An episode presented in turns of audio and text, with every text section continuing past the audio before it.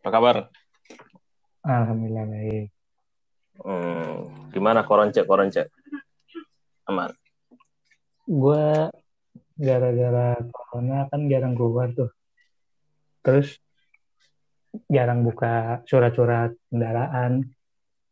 Nah kemarin eh, apa namanya? Eh, Faras izin izin keluar AFK mau perpanjang SIM. Terus gue nanya-nanya. Terus gue ngecek STN, ngecek SIM tuh. Pas gue cek, anjir tuh udah satu tahun basi. Sama kayak gua. STNK kagak keurus lewat dua bulan nih. Tadinya gua mau balik nama, gua pas ke apa kantor Samsat ya. Gua tanya-nanya nih sama orangnya kan.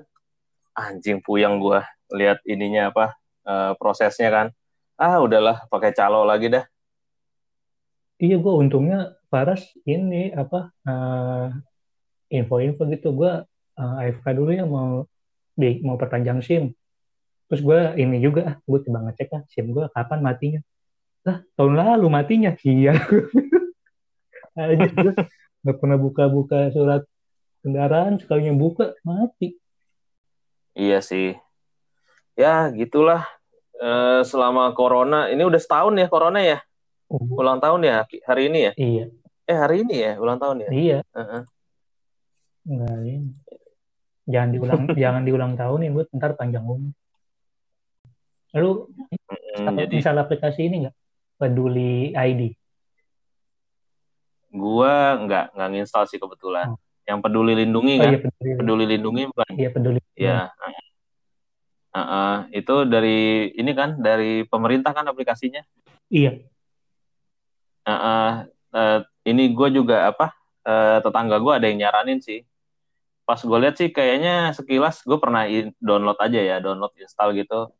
Eh, kayaknya lemot banget ya aplikasinya. Gue nggak tahu kenapa. Enggak, lancar. Bu- Gua Makan baterai. makan baterai karena eh, apa namanya GPS sama Bluetooth mesti nyala. Makanya setelah kalau udah nggak kepake, gue matiin lagi itu GPS sama Bluetoothnya. Ya iya.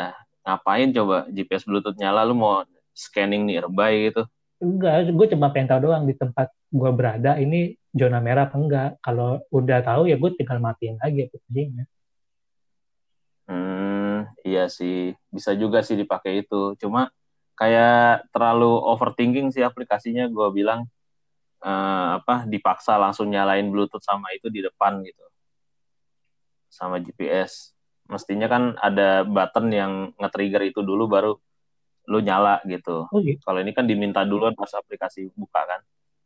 Eh, iya sih, diminta. Iya. Berarti developernya nggak bisa nempatin kapan action itu di-trigger. Asik.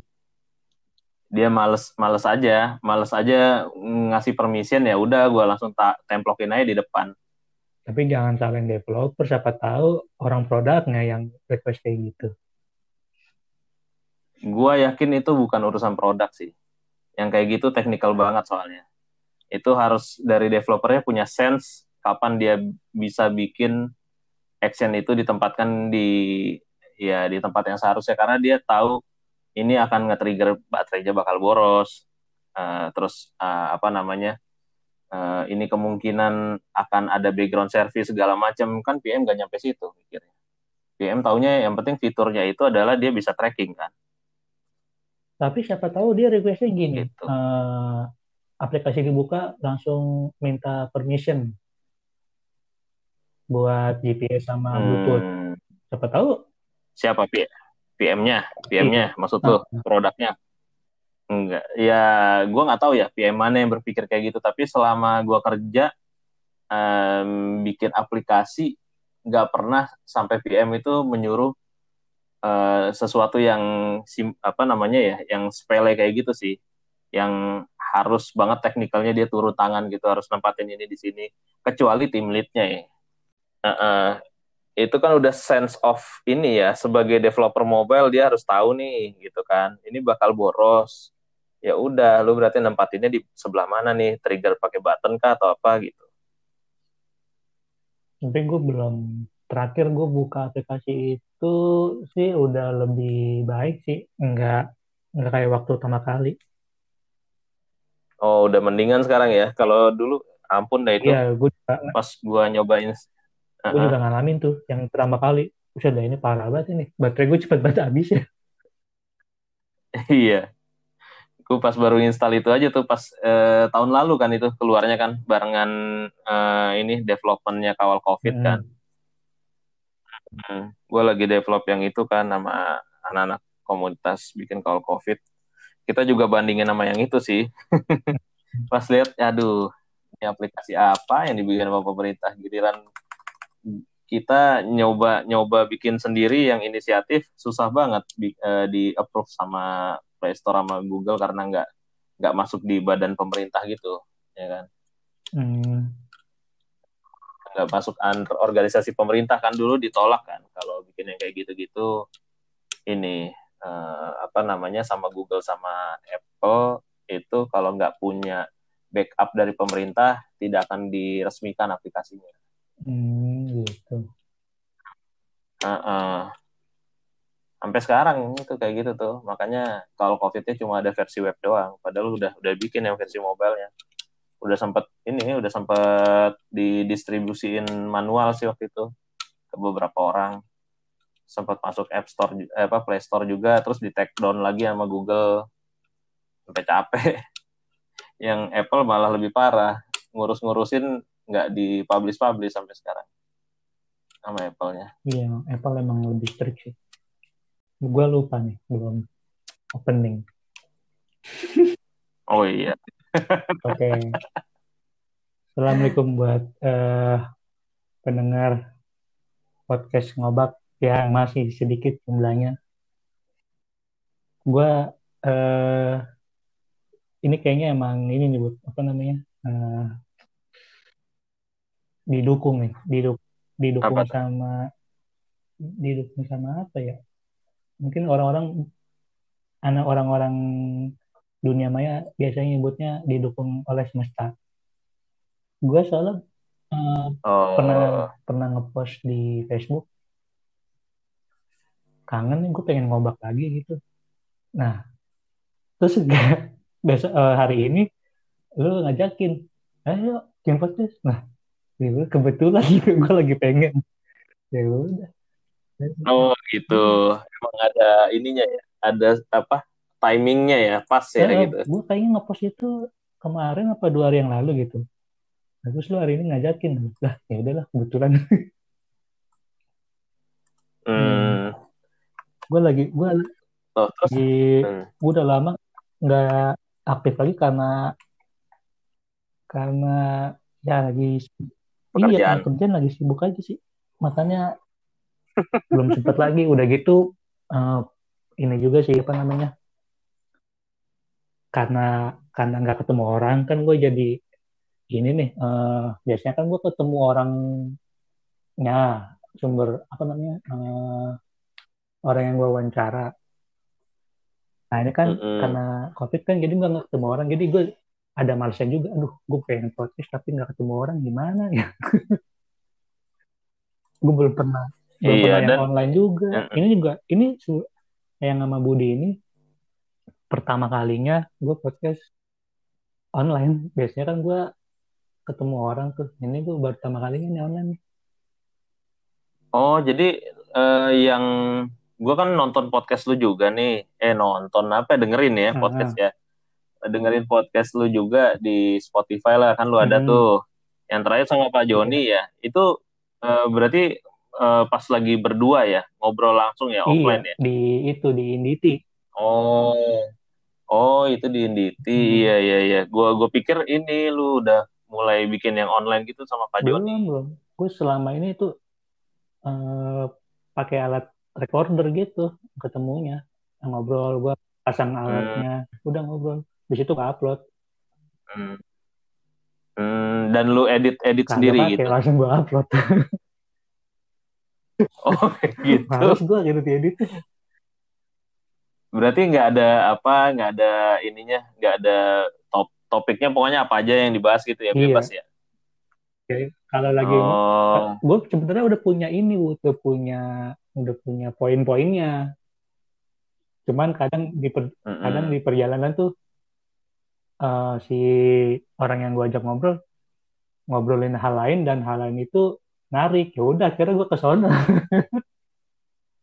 Oh hmm iya iya iya ya. emang ini kali ya tipikal developer. Eh, kayaknya kayak gitu semua deh Will gue gua kan juga belajar nih bikin podcast ya. Ya mungkin belum sebanyak lu lah episodenya kan. Baru perdana lah sama si Asar ya. Uh, waktu dia masih inilah baru-baru pindah kerja lah gitu. Hmm. Nah, gue sempat ngobrol sama Asar, coba bikin, kita udah udah nyiapin tuh beberapa topik tuh, tapi pas di perjalanan tuh gue suka ngeblank gitu. Terus si Asar kayaknya kurang puas deh sama hasilnya. tapi tetap dipublish juga sih. Oh, iya, emang kayak gitu tuh. Uh, kalau bikin Nah, itu juga ngomongin Asar, dia uh, apa gue sama dia kan ada proyekan nih. Nah, itu gue pas lagi Google Meet udahan udahan ngomongin kerjaan terus dia ini nyinggung. Wil, podcast lu bikinnya kayak gimana gitu. Podcast gue bikinnya podcast gue bikinnya pakai recorder.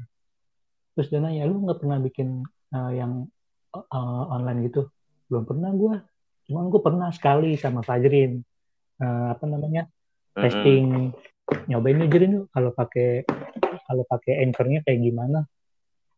Kalau pas nyob, mm-hmm. gue nyobain, gue kira pakai laptop bisa, ternyata nggak bisa tuh harus pakai aplikasi. Udah gue pakai aplikasi. Pas nyobain nyobain, uh, hasilnya jernih nih. Jadi kayak kayak gue ngomong sama lo, ke record udah nggak ada apa namanya bisa diedit di situ juga langsung kayaknya ya. Gue baca-baca sih bisa diedit di situ juga. Paling ngeditnya cuma sekedar nambahin efek suara gitu-gitu. Iya bener bener bener. Itu uh, eh, gue kayaknya si Asar nanya lu itu waktu kita lagi mau bikin nah, sih. iya, iya dia, dia pernah bilang jadi uh, eh, gue bikin gue bikin uh -uh. Uh, cuman gue saat ini bikinnya masih offline pakai apa namanya nah yang tadi lu bilang tuh GarageBand iya yeah. nah dia dia nanya gue kira lu pernah yang online nih belum pernah gue gue yang offline mulu gitu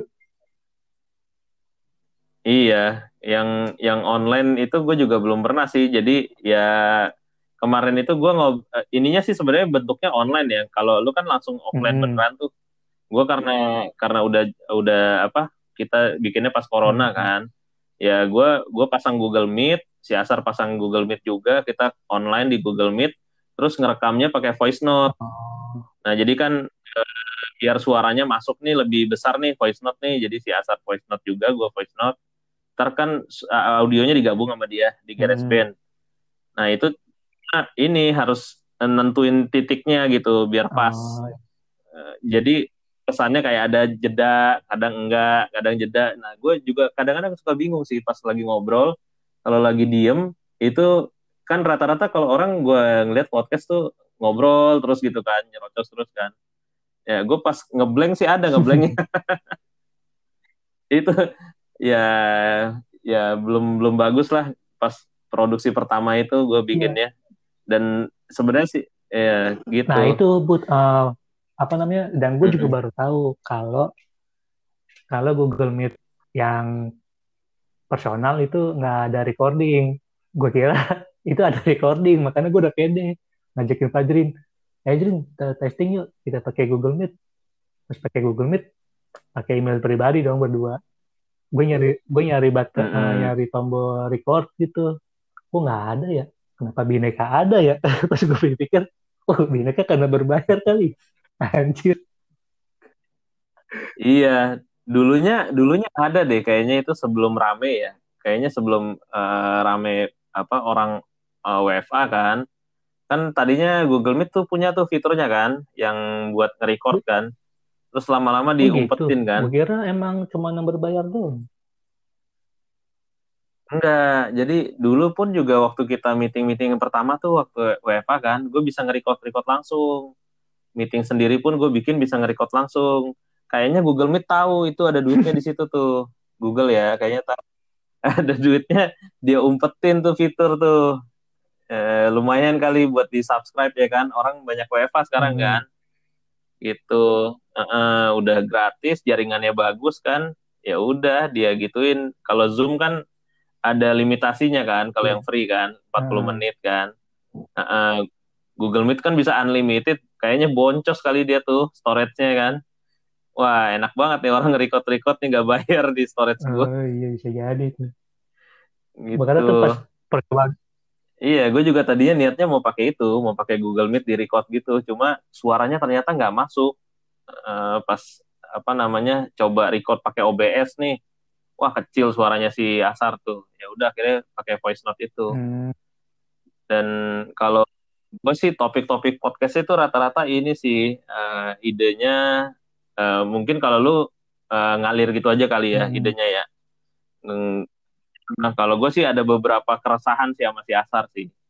Jadi emang gue pengen bahas topik-topik uh, yang paling tabu lah di dunia teknologi lah. Yang biasanya kan kalau orang podcast teknologi tuh bahasnya hal-hal yang indah aja kan, kayak uh, kehidupan di startup kayak gimana. Gue nggak nggak bahas itu. Gue bahas uh, lu pikir enak jadi desainer misalkan gitu. Terus lu pikir enak jadi software engineer kan hmm. gitu. Tes testing testing dalam dunia software tuh gak penting gitu. Gue gue bahasnya kayak gitu. Sebenarnya sih ada salah satu inspirasinya sih kenapa kita bikin yang model-model begitu sih. Iya emang kayaknya kebanyakan gue lihat gitu sih yang apa ya podcast teknologi yang lu tahu apa aja? Gue tahunya ruang guru doang sih. enggak Oh, kalau yang ceritanya developer lu tahu? Ceritanya de belum belum tahu gue itu. Uh, uh. Ini ntar disensor nggak nih gue ngomong gini? Kan gue gue bilang gue nggak ada edit, lanjut aja. Anjir, udah kayak Deddy Kombuser nih.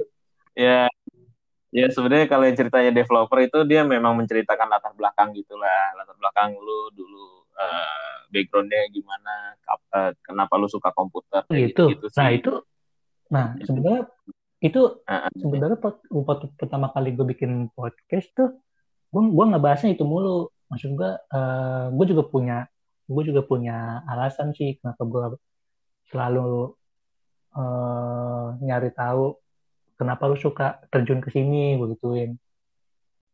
Oh iya iya iya iya. Kalau gue uh, sebenarnya masuk uh, kuliah komputer niat. itu sebenarnya karena nggak nggak niat juga nggak nggak niat sama kayak lu. Kayak uh, ya ya dari dari SMA suka main game lah ya kan.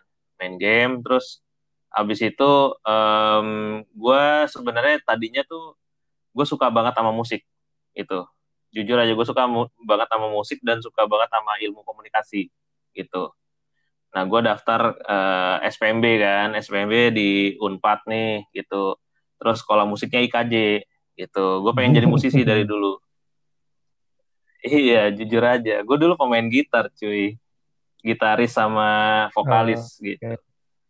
Nah, ter uh, terus uh, ya biasa lah ya SPMB kan uh. untung-untungan ya kan. Nggak lulus gue SPMB dua-duanya. Uh, terus nyokap gue nawarin ya udahlah uh, coba daftar kampus swasta aja gitu. Ini ada ini nih kampus Budi Luhur nih. Gue pikir itu kampus apaan ya kan? Kecil duduk pula lagi ya udahlah cobain sana lah gitu kecil duduk kan. Nah pas sampai sono uh, ditawarin nih jurusannya kan. Ini komputer tuh ada teknologi informasi sama sistem informasi gitu karena yang nawarin juga kebetulan cakep sih ya kan? Jadi gue semangat juga pas dia jelasin gitu. Nah tapi gue lihat dulu nih silabusnya kan. Nah pas dikasih lihat tuh yang teknologi informasi tuh banyak kan ada matematika diskrit terus kalkulus segala macam kan. Nah karena gue sebenarnya basicnya adalah orang yang nggak terlalu suka matematika. Fisika matematika kimia tuh gue kayaknya muntah sih. Eh, SMA aja gue IPS ya kan? Nggak mau ngambil IPA gitu Nggak mau. Walaupun nyokap gue. Kok, kok lu ada pilihan nggak mau? Kenapa?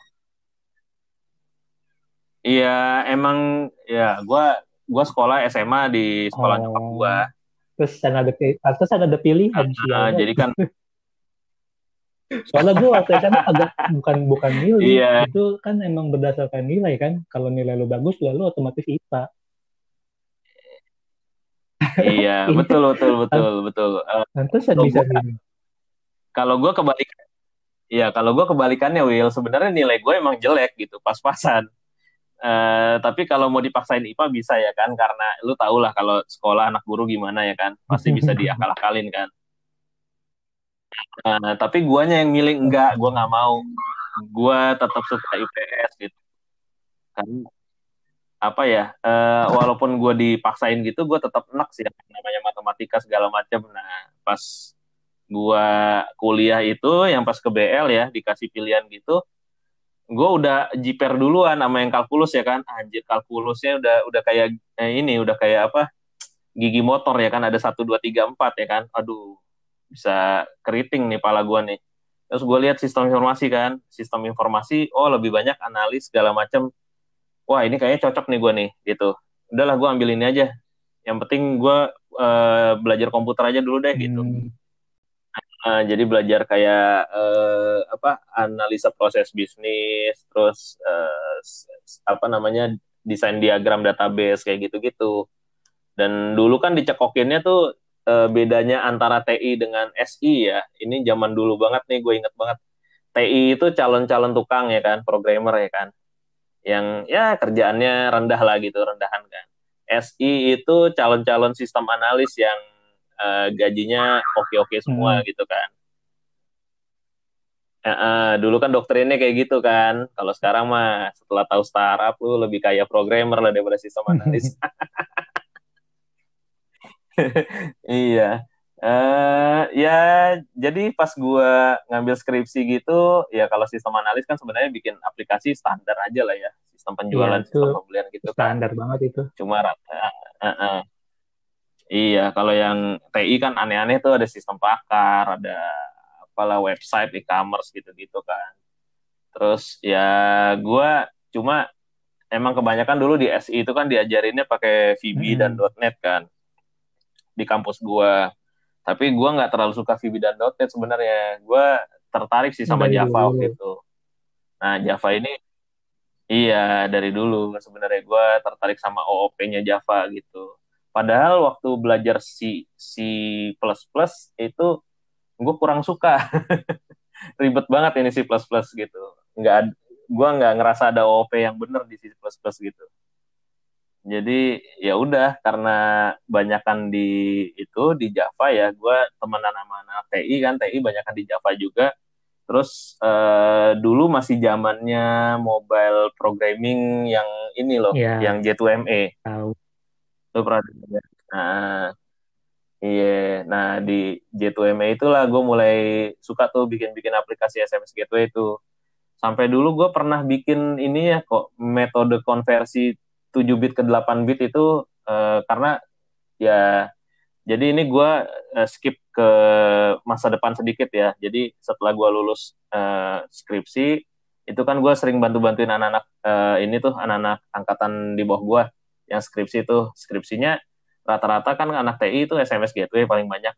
Karena gue keseringan bantuin itu codingannya juga sama-sama semua lu tau lah Hmm. anak-anak kampus ya kan. Pasti contekan dari Iya. satu ke yang lain kan Nah, uh, uh, gue sampai apal tuh ininya konversi 7 bit ke 8 bitnya biar gue nggak lupa gue pernah taruh di Hmm. Kaskus. Ya gue gua bingung sih cara bikin blog kan dulu kan. Ya udah gue simpen aja dulu di Kaskus gitu. Gak tahu sekarang masih ada apa Hmm. enggak. Kalau gue malah ke bertentangan gue sama Bud. Gue malah nggak suka Java. gue gue ada Kenapa? ada mungkin gue mungkin gue alerginya gara-gara nih anjir nih bahasa pemrograman yang yang effortnya mesti gede nih. Eh, dulu waktu itu masih ada zaman zamannya apa ya netbin ya. Iya gitu. Oh, Gitu tuh. Ya, netbin ah, kan berat banget tuh. Anjir gue males lah belajar kayak gini. Berat-beratin laptop gue anjir. Makanya gue udah ilfil aja lah gue sama Java. males. Iya, prosedur gitu ya, Hmm. banyak prosedur kan Java kan. Eh, apa? Eh, eh, lu harus bikin sesuatu tuh kayak seremonial semua lah. Nah, tapi di situ gue ininya sih tertariknya sih. Eh, dan yang tertarik lagi tuh sebenarnya gue dengan Java ini karena uh, jadi dulu ada almarhum teman gua memperkenalkan gua dengan Linux nah, gitu. Iya. Hmm, jadi kan uh, uh, zaman dulu lu tahu virus berontok ya kan? Itu zaman. Waduh, ini ketahuan. Kalau gua ngomongin ngomongin itu SMA kali gua udah ada virus berontak.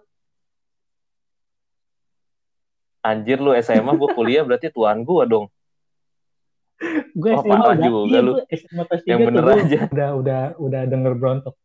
Orang gue sempet kena, sempet kena gue. Waduh. Pet. Lu SMA kelas 3. Gue semester berapa itu ya? Berontok kenalnya semester 4. Lah emang lu angkatan 2007. berapa kuliah? 7. Oh iya pantas. Oke. Okay. Ya, gua gua gua Gue 2009, iya, 2009 iya, maksudnya.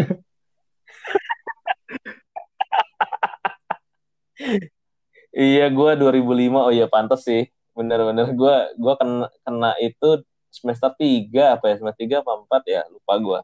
Ya pokoknya saking keselnya deh. Dulu kan gue Windows mulu tuh. Karena emang ya cuma hmm. punyanya Windows ya kan. Sampai gua karena keseringan kena virus itu sampai gua hafal serial Windows XP service pack Pak. Uh -uh. Kalau lu mau sebutin, gue masih bisa sih kayaknya nih, masih inget gue. KYV 8G, 83V9, uh, 8P P4, YTF 2J kalau nggak salah. Itu itu di diinget secara nggak sengaja, Will, karena berapa kali ya gue nginstal itu ya gara-gara virus. Ya pokoknya install lagi, install lagi, terus berat dikit install lagi, sampai ya gue lulus kuliah pun jadi kayak ya lu tau lah ide anak IT identiknya apa sih? Kalau nggak jadi tukang install tukang burning, burning. Uh, apa? Uh, fixing kabel-kabel krimping yeah. gitu kan ya kan? Sama tetangga-tetangga sekitar lu ya kan? Ya kayak bapak-bapak benerin, benerin uh, laptop apa, dong benerin temen bokap gua Iya benerin PC yang gua gua sampai punya CD-nya gitu lah CD Windows XP driver semuanya gua masukin lah. Sampai gua harus beli hard disk lah segala macem gitu. Ya gimana nggak apal gua sampai iya. sekarang gitu. Ngalamin gua ngalamin. Terus ya gua karena keseringan gitu. Iya ngalamin gua kayak gitu. Kenapa? Pernah jadi uh, tanda kutip tukang install keliling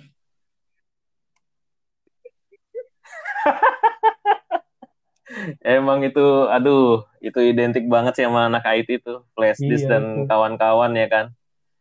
Ya, uh -uh, dari situ sebenarnya kan gue udah mulai sebel tuh. Uh, virus berontok itu gue sempet ini loh, nge-backupin data gue. Uh, dulu kan zamannya masih CD yeah. ya, DVD masih mahal ya. Gue ada 20 CD, 20 CD buat backupin data gue. Uh, ya, iya gue kesel banget tuh kan. Terus akhirnya gue curhat ke temen apa almarhum temen gue ini. Dia ngajakin gue yuk main ke ini yuk ke kosan temen gue gitu. Ntar gue kenalin nih sistem operasi yang anti virus gitu kan. Gue pikir apa? Nah di situlah gue kenal Linux lah pertama kali. Nah Linux terus gue eh, tertarik lah sama Linux lah. Uh, Linux pertama yang gue pelajarin hmm. ya udah jelas lah ya Ubuntu ya. Ubuntu Edge, Edge eh Phone. Jadi dari huruf F itu gue lupa seri berapa ya Ubuntu-nya. Terus ah, iya, pesan-pesan CD pernah, dari Belanda pernah. tuh kayaknya keren banget dulu kan. Uh, uh, yoi, terus uh, download repo apa namanya iya, multiverse-nya dari kambing ya kan. Iya, bawa-bawa ini gue bawa harddisk gue ke kosan itu pokoknya gue main-main terus tuh Nah, terus gue kenapa makin tertarik sama Java sebenarnya gara-gara ini doang.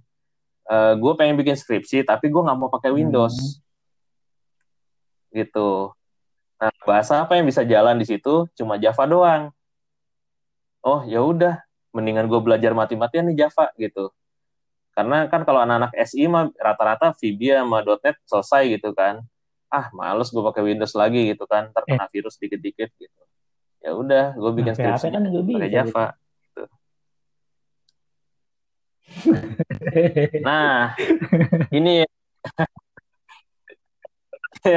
sebenarnya gue bukan benci PHP ya ini kayaknya hmm. mesti klarifikasi nih di tempat lo nih gue bukan membenci PHP tapi gue nggak ngerti PHP itu untuk apa eh jujur aja nih, kan kan pas kuliah kan sebenarnya lu dipelaj diajar dipelajari semua ya. Java iya, PHP yeah. iya, HTML iya gitu kan. Terus uh, eh, CSS juga, ya VB dan lain-lain lah dulu gue masih sampai sebatas itulah kampus gue C, C++ gitu. Kayaknya gue Pascal nggak ada sih. Nah, nah terus gua oh, lu ada, gue nggak ada, gak ada bahasa, uh, zaman dulu, gue Kalau lu mah, kalau dari cerita lu mah, lu masih kayaknya walaupun lu angkatan di atas gua ya, tapi kayaknya lu bahasa lu kok bahasa yang ini ya, yang udah bagus. Gue malah yang kobol, Pascal, uh, pokoknya yang yang yang tampilannya itu layar hitam semua. Nggak ada gue gue sama sekali. Anjir ini apa nih? Begini ya mungkin beda ya, akreditasi kampusnya kali ya. sih kayaknya bener. Gue yang yang bagus tuh iya yang bagus itu gue cuma ya. Java Mak makanya gue nggak mau tuh gara-gara oh. ah yang berat-beratin laptop gue nggak mau gue dan gue akhirnya cuma PHP tuh Oh, nah kalau gue ju dulu juga belajar kan PHP itu di semester berapa ya lupa gue lima kalau nggak salah. Pokoknya habis Java hmm. terus ada web gitu kan, web programming kan. Pertama belajar web programming yeah. kan pakai Notepad tuh, ya kan. Uh, nulis HTML gitu kan. Nah itu gue lancar tuh gape tuh nulis itu, terus masukin inner style CSS, eh, bikin external eh, style kalau nggak salah ada deh dipelajarin Nah, tapi pas masuk PHP, nah pas PHP ini gue sebelnya hmm, adalah harus oh, install okay. Dreamweaver. Itu zaman dulu. Oke. Okay. Iya. Iya, nah gue sebelnya tuh ini PHP kagak bisa bikin pakai Notepad doang apa ya? Yeah. Kan kalau HTML bisa tuh. Kok ini dosennya dosennya ngajarinnya pakai Dreamweaver. Gue bingung kan narik narik ininya, narik tabelnya apa, terus masang script PHP-nya.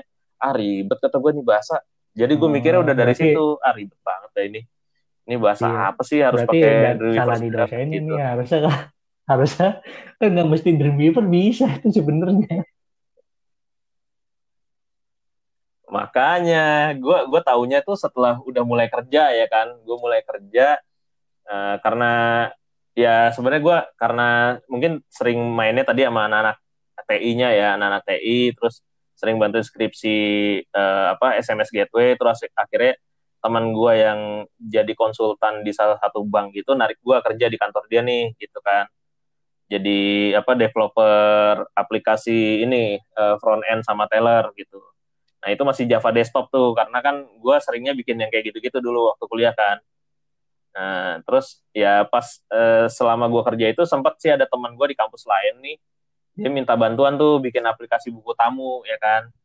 Pakai PHP ketemu lagi gue di situ Dreamweaver gue sebel kan. Gue penasaran kan uh, dulu pas mas uh, udah masuk dunia kerja itu gue udah kenal sama namanya hmm. Notepad plus plus dan lain-lain kan. Nah uh, uh, gue coba bikin nih. Ya udah deh ini source code lu mana gue coba bikin pakai itu deh eh ternyata ternyata ternyata PHP tuh bisa pakai Notepad plus plus nah di situ gue gue bilang oh ternyata dari dulu nih nggak mesti dari Weaver ya ini Tapi aplikasi ya, gitu. Dosen lu sesat itu kayak itu. Banget sih. Iya, dosen gue kayaknya nyesatin sih, emang sengaja kali ya suruh pakai Java gitu. Jadi mulai sebel gue, ini PHP bahasa apa sih kok harus pakai pakai Dreamweaver segala, nggak bisa pakai apa notepad biasa hmm, kayak nulisnya malah, gitu kan? Kalau gue malah ini sih bener. Gitu. Oh, gue malah ini waktu tuh, hmm, gue malah sebel di toolsnya sih bukan di bahasanya soalnya gue pas ini pertama Dreamweaver kan agak lumayan berat ya dulu kan Dreamweaver kan satu satu perusahaan sama Photoshop itu kan kalau nggak salah ya yang baru dulunya kan dia beda oh, kan iya, Macromedia iya, kan pertamanya hmm. terus dibeli sama Adobe uh, uh, dibeli sama Adobe jadi Dreamweaver gitu setahu gua. Nah, oh berarti kan, lu pakai yang udah Adobe uh, ya? Apa ya lumayan uh, berat tuh uh, installernya aja udah ratusan MB tuh ingat gue. Nah itu uh, Nah itu apa namanya yang biasa yang biasa pakai itu tuh biasanya yang anak-anak desain kan biasanya gampang tuh nge-stylingnya, uh, nge-slicingnya. Nah gue nggak suka tuh ah ini terlalu hmm terlalu mudah maksudnya walaupun mudah buat dia tapi buat gue susah gue malah lebih suka bentuk coding aja kalau bentuknya UI gitu gue malah bingung codingannya gue harus taruh mana ya bentuk bentuknya UI semua. Nah, iya, itu. Iya. Iya bener. Dreamweaver kan kayak gitu kan. Buat bikin HTML table, terus masukin code. Anjir, masa gue harus narik? Gue bingung narik, tapi kok kagak ketarik gitu kan. Terus ini naruh di mana? Hmm. Itu yang gue, nah, aduh, males gue ngeliat. Kalau gue untungnya ada dari, dari situ. Ada hmm. orang yang ngasih tahu, lu lagi ngapain pakai Dreamweaver? Pakai ini aja yang enteng, Notepad++. Oh bisa ya udah. Nah, kalau lu kan sayangnya nggak ada yang ngasih tahu, jadi kayaknya lu udah udah langsung kesesat duluan lu. Nah iya. udah udah langsung tersesat gua. Jadi dosennya pertama belajar HTML pakai Notepad, gua lancar. Dia nggak ngasih tahu Notepad plus plus tuh karena nah, license mungkin ya kampus ya nggak boleh kan. Eh open source ya lupa gua itu Notepad. Oh iya, tapi kayaknya hmm. kampus-kampus taunya Notepad biasa deh. Jadi bikin nggak tahu kampus gue doang kali ya dulu ya. Notepad notepad biasa, HTML kan hmm. itu lancar tuh kalau cuma sebentar-sebentar mah ya. Pas PHP kan agak ribet kan, PHP kan hmm. kan harus lu masukin script-scriptnya gitu kan. Makanya ngajarinnya malah pakai itu. Ya nggak ada yang ngasih tahu gue pakai Notepad plus plus sampai gue kerja baru gue tahu oh ternyata bisa pakai ini toh buat ngedit-ngedit iya. itu malah lebih gampang kan nyari-nyarinya kan. Nah pas uh, pas bantuin skripsi temen gue juga ya akhirnya gue ini bantuin dia bikin skrip PHP kan buat aplikasi buku tamu gitulah lumayan bayarannya. Ya rata-rata gitulah. Nah terus lu apa namanya? Uh, di situ tuh udah bener tekun ke Java aja tuh. Iya, jadi dari situ gue uh, ya mulai pas kerja itu kan desktop pertamanya tuh. Terus mulai hmm. masuk eranya BlackBerry tuh. 2000 eh, 2000 berapa ya? 11 kalau nggak salah eranya BlackBerry kan. Nah terus sempat bikin BlackBerry Banking tuh nah di situ gue pikir aplikasi mobile tuh masih kayak yang zaman dulu hmm. yang J2ME ya kan ya, nah, dia apa sih nah, ternyata ya? BlackBerry enggak nih dia Enggak, dia dia OS-nya BlackBerry itu Java juga sih, bukan Symbian. Java tapi Java yang Java ME bener-bener ME yang ini yang 14 Java 14 jadi hmm. bukan pakai Java 16 kayak Android. Uh, emang agak terbatas sih ininya apa sih uh, eh, API-nya gitu di Java 14 itu. Nah, waktu itu kan emang lagi rame tuh bikin aplikasi BlackBerry Banking gitu kan. Uh, ya tertarik sih bikin-bikin menunya lumayan uh, ribet sih pertamanya ya karena kan BlackBerry itu ada dua layer gitu horizontal sama vertikal kan. Dan itu lu harus ngarang gitu di di otak lu nggak ada desain nggak ada apa UI hmm, desain ya nggak ada layoutingnya gitu berarti lu emang udah langsung tertarik hmm. sama dunia mobile ya Iya, gue gua langsung tertarik sama dunia mobile tuh ya setelah yang BlackBerry itu. Jadi eh, tadinya kan megangnya ya back end juga, web juga gitu kan. Nah tapi gue mulai ngelihat mobile tuh masa depannya ya sekitar 2012 itulah. Jadi pas uh, Android pertama kali muncul nih gitu. Wah ini kayaknya bakalan rame nih abis ini nih. Kalau gue di back end terus, um, ya mungkin bisa survive juga di back end. Tapi gue ngerasa kayak ini mobile tuh keren nih gitu ke depannya jadi akhirnya ya udah gue gue coba belajar Android belajar BlackBerry pertamanya itu sampai gue minta training di kantor dulu minta training ke Jogja lah training Android ya uh, bikin-bikin aplikasi sederhana lah bikin pindah-pindah intent gitu wah menarik juga nih gitu Android. Itu. Dan gue nggak pernah belajar dari buku apa buku yang ya misalkan orang kan kalau belajar uh, programming beli Android itu atau ya bahasa lain kan gue beli lagi ya, ya beli buku di Gramet gitu-gitu kan gue gue jujur nggak pernah gue beli beli buku gituan. Jadi gue ya udah bikin ya googling googling aja lah gitu. Googling cara bikin ini gimana bikin itu gimana. Bener-bener nggak pernah beli buku yang kayak apa desain pattern kayak gitu gimana nggak tahu gue ya baru-baru ini aja baru ya mungkin lima tahun terakhir lah gue beli-beli buku yang kayak gitu. Buat belajar hmm. desain pattern dan lain-lain. Di luar dari itu gue bisa belajar gratis gitu nyari-nyari di internet kan. Dan waktu itu juga kan uh, gue tahu banget sih itu susah banget sih nyari apa namanya bikin koneksi internet ya di rumah. Terus nggak lama tetangga gue uh, yang uh, belakang rumah itu ternyata dia orang telkom. Akhirnya mungkin tahu kali karena gue itu butuh banget internet kan. Terus ya dia minta ini apa namanya nawarin diri nih ini Speedy mau masuk nih tapi namanya, kayaknya perlahan lah kata dia gitu. Ya, Kira gue join. ini anak-anak zaman sekarang nggak tahu di Speedy. Iya. Anak-anak zaman sekarang mana tahu, taunya home dia mah. Nah, apa? Balik itu sampai sekarang. Tadi mobile. Habis itu kan lu kan nekunin tuh dunia dunia aplikasi mobile dan kebetulan Android itu emang base-nya mm -hmm. apa ya? Uh, apa namanya? Mm -hmm. Itu environment-nya udah beda ya, environment buat kerjanya gitu. Kalau si si Android butuh ada butuh ya, mak maksud gua uh, environment buat kan kalau mau modding Java kan mesti install sana sini sana sini nih banyak banget yang mesti diinstal. Nah kalau buat modding Android itu sama masih sama kayak gitu. Mesti ada apa dulu yang diinstal begitu jadi oh. jauh sebelum ada Android Studio ya gue kenal Android itu kan dari zaman yang dia baru diambil alih sama Google. Yang tadinya kan pendirinya si Andy Rubin itu baru apa nyoba-nyoba doang kan hmm. uh, Linux yang bisa jalan di mobile gitu kan. Terus uh, ya dari yang 2008 lah yang dia uh, present ke Google, gue bikin kayak gini, akhirnya Google pengen akuisisi kan waktu itu kan punyanya si Andy Rubin, makanya jadi Android.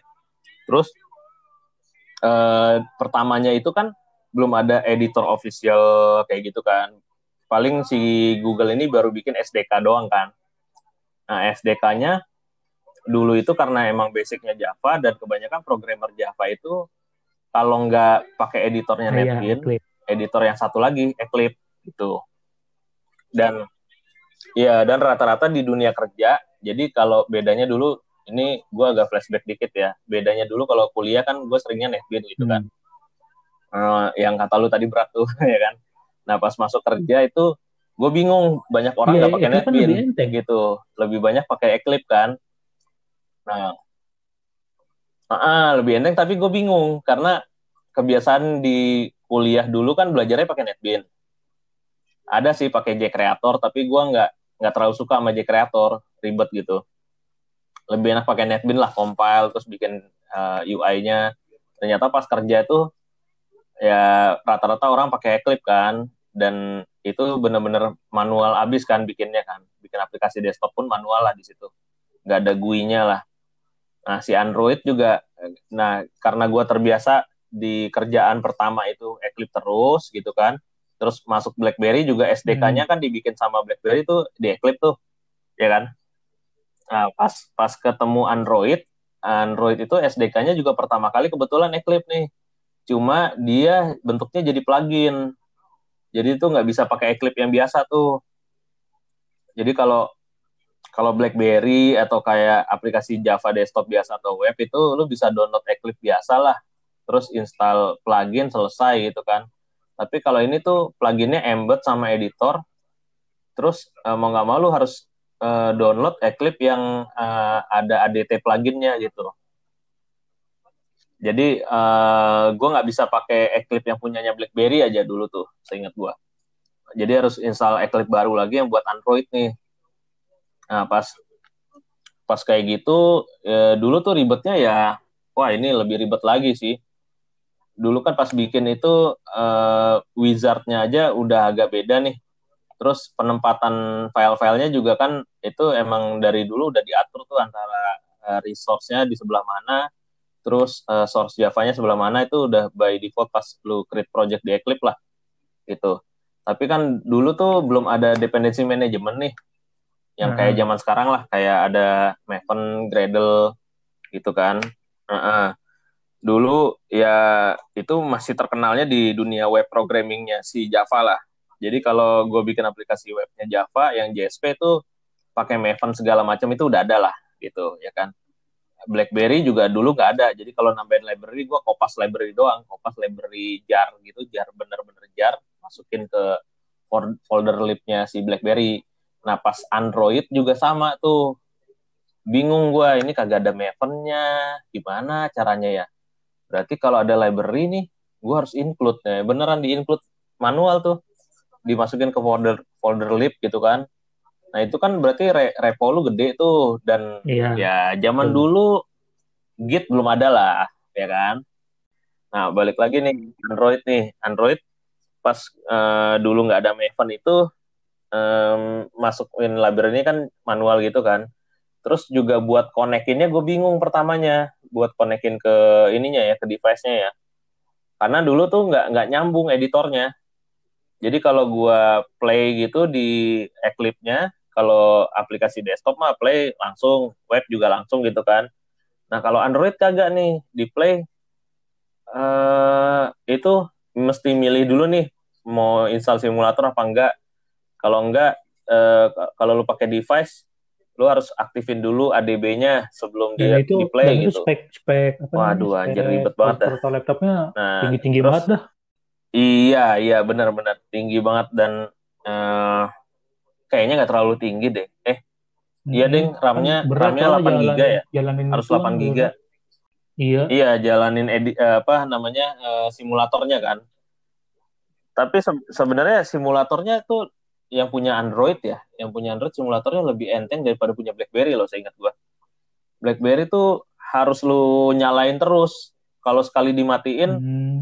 ini uh, lemot lagi gitu ya beda tipis lah sama, sama si ini ya masih Android ya sampai gue tadinya nggak nggak mau pakai tuh uh, simulator bawaannya Google ya itu jelek banget deh parah simulatornya Google jadi uh, apa gue pakai Motion lah buat ininya buat apa namanya ngetes ngetes aplikasinya cuma di bugnya jadi nggak bisa tuh ya, tadi kan masalah itu ya uh, apa dependensi manajemen kan gue belum belum tahu caranya tuh nah jadi waktu gua pindah ke Samsung sih gua baru tahu tuh cara bikin aplikasi Android ternyata bisa pakai Maven.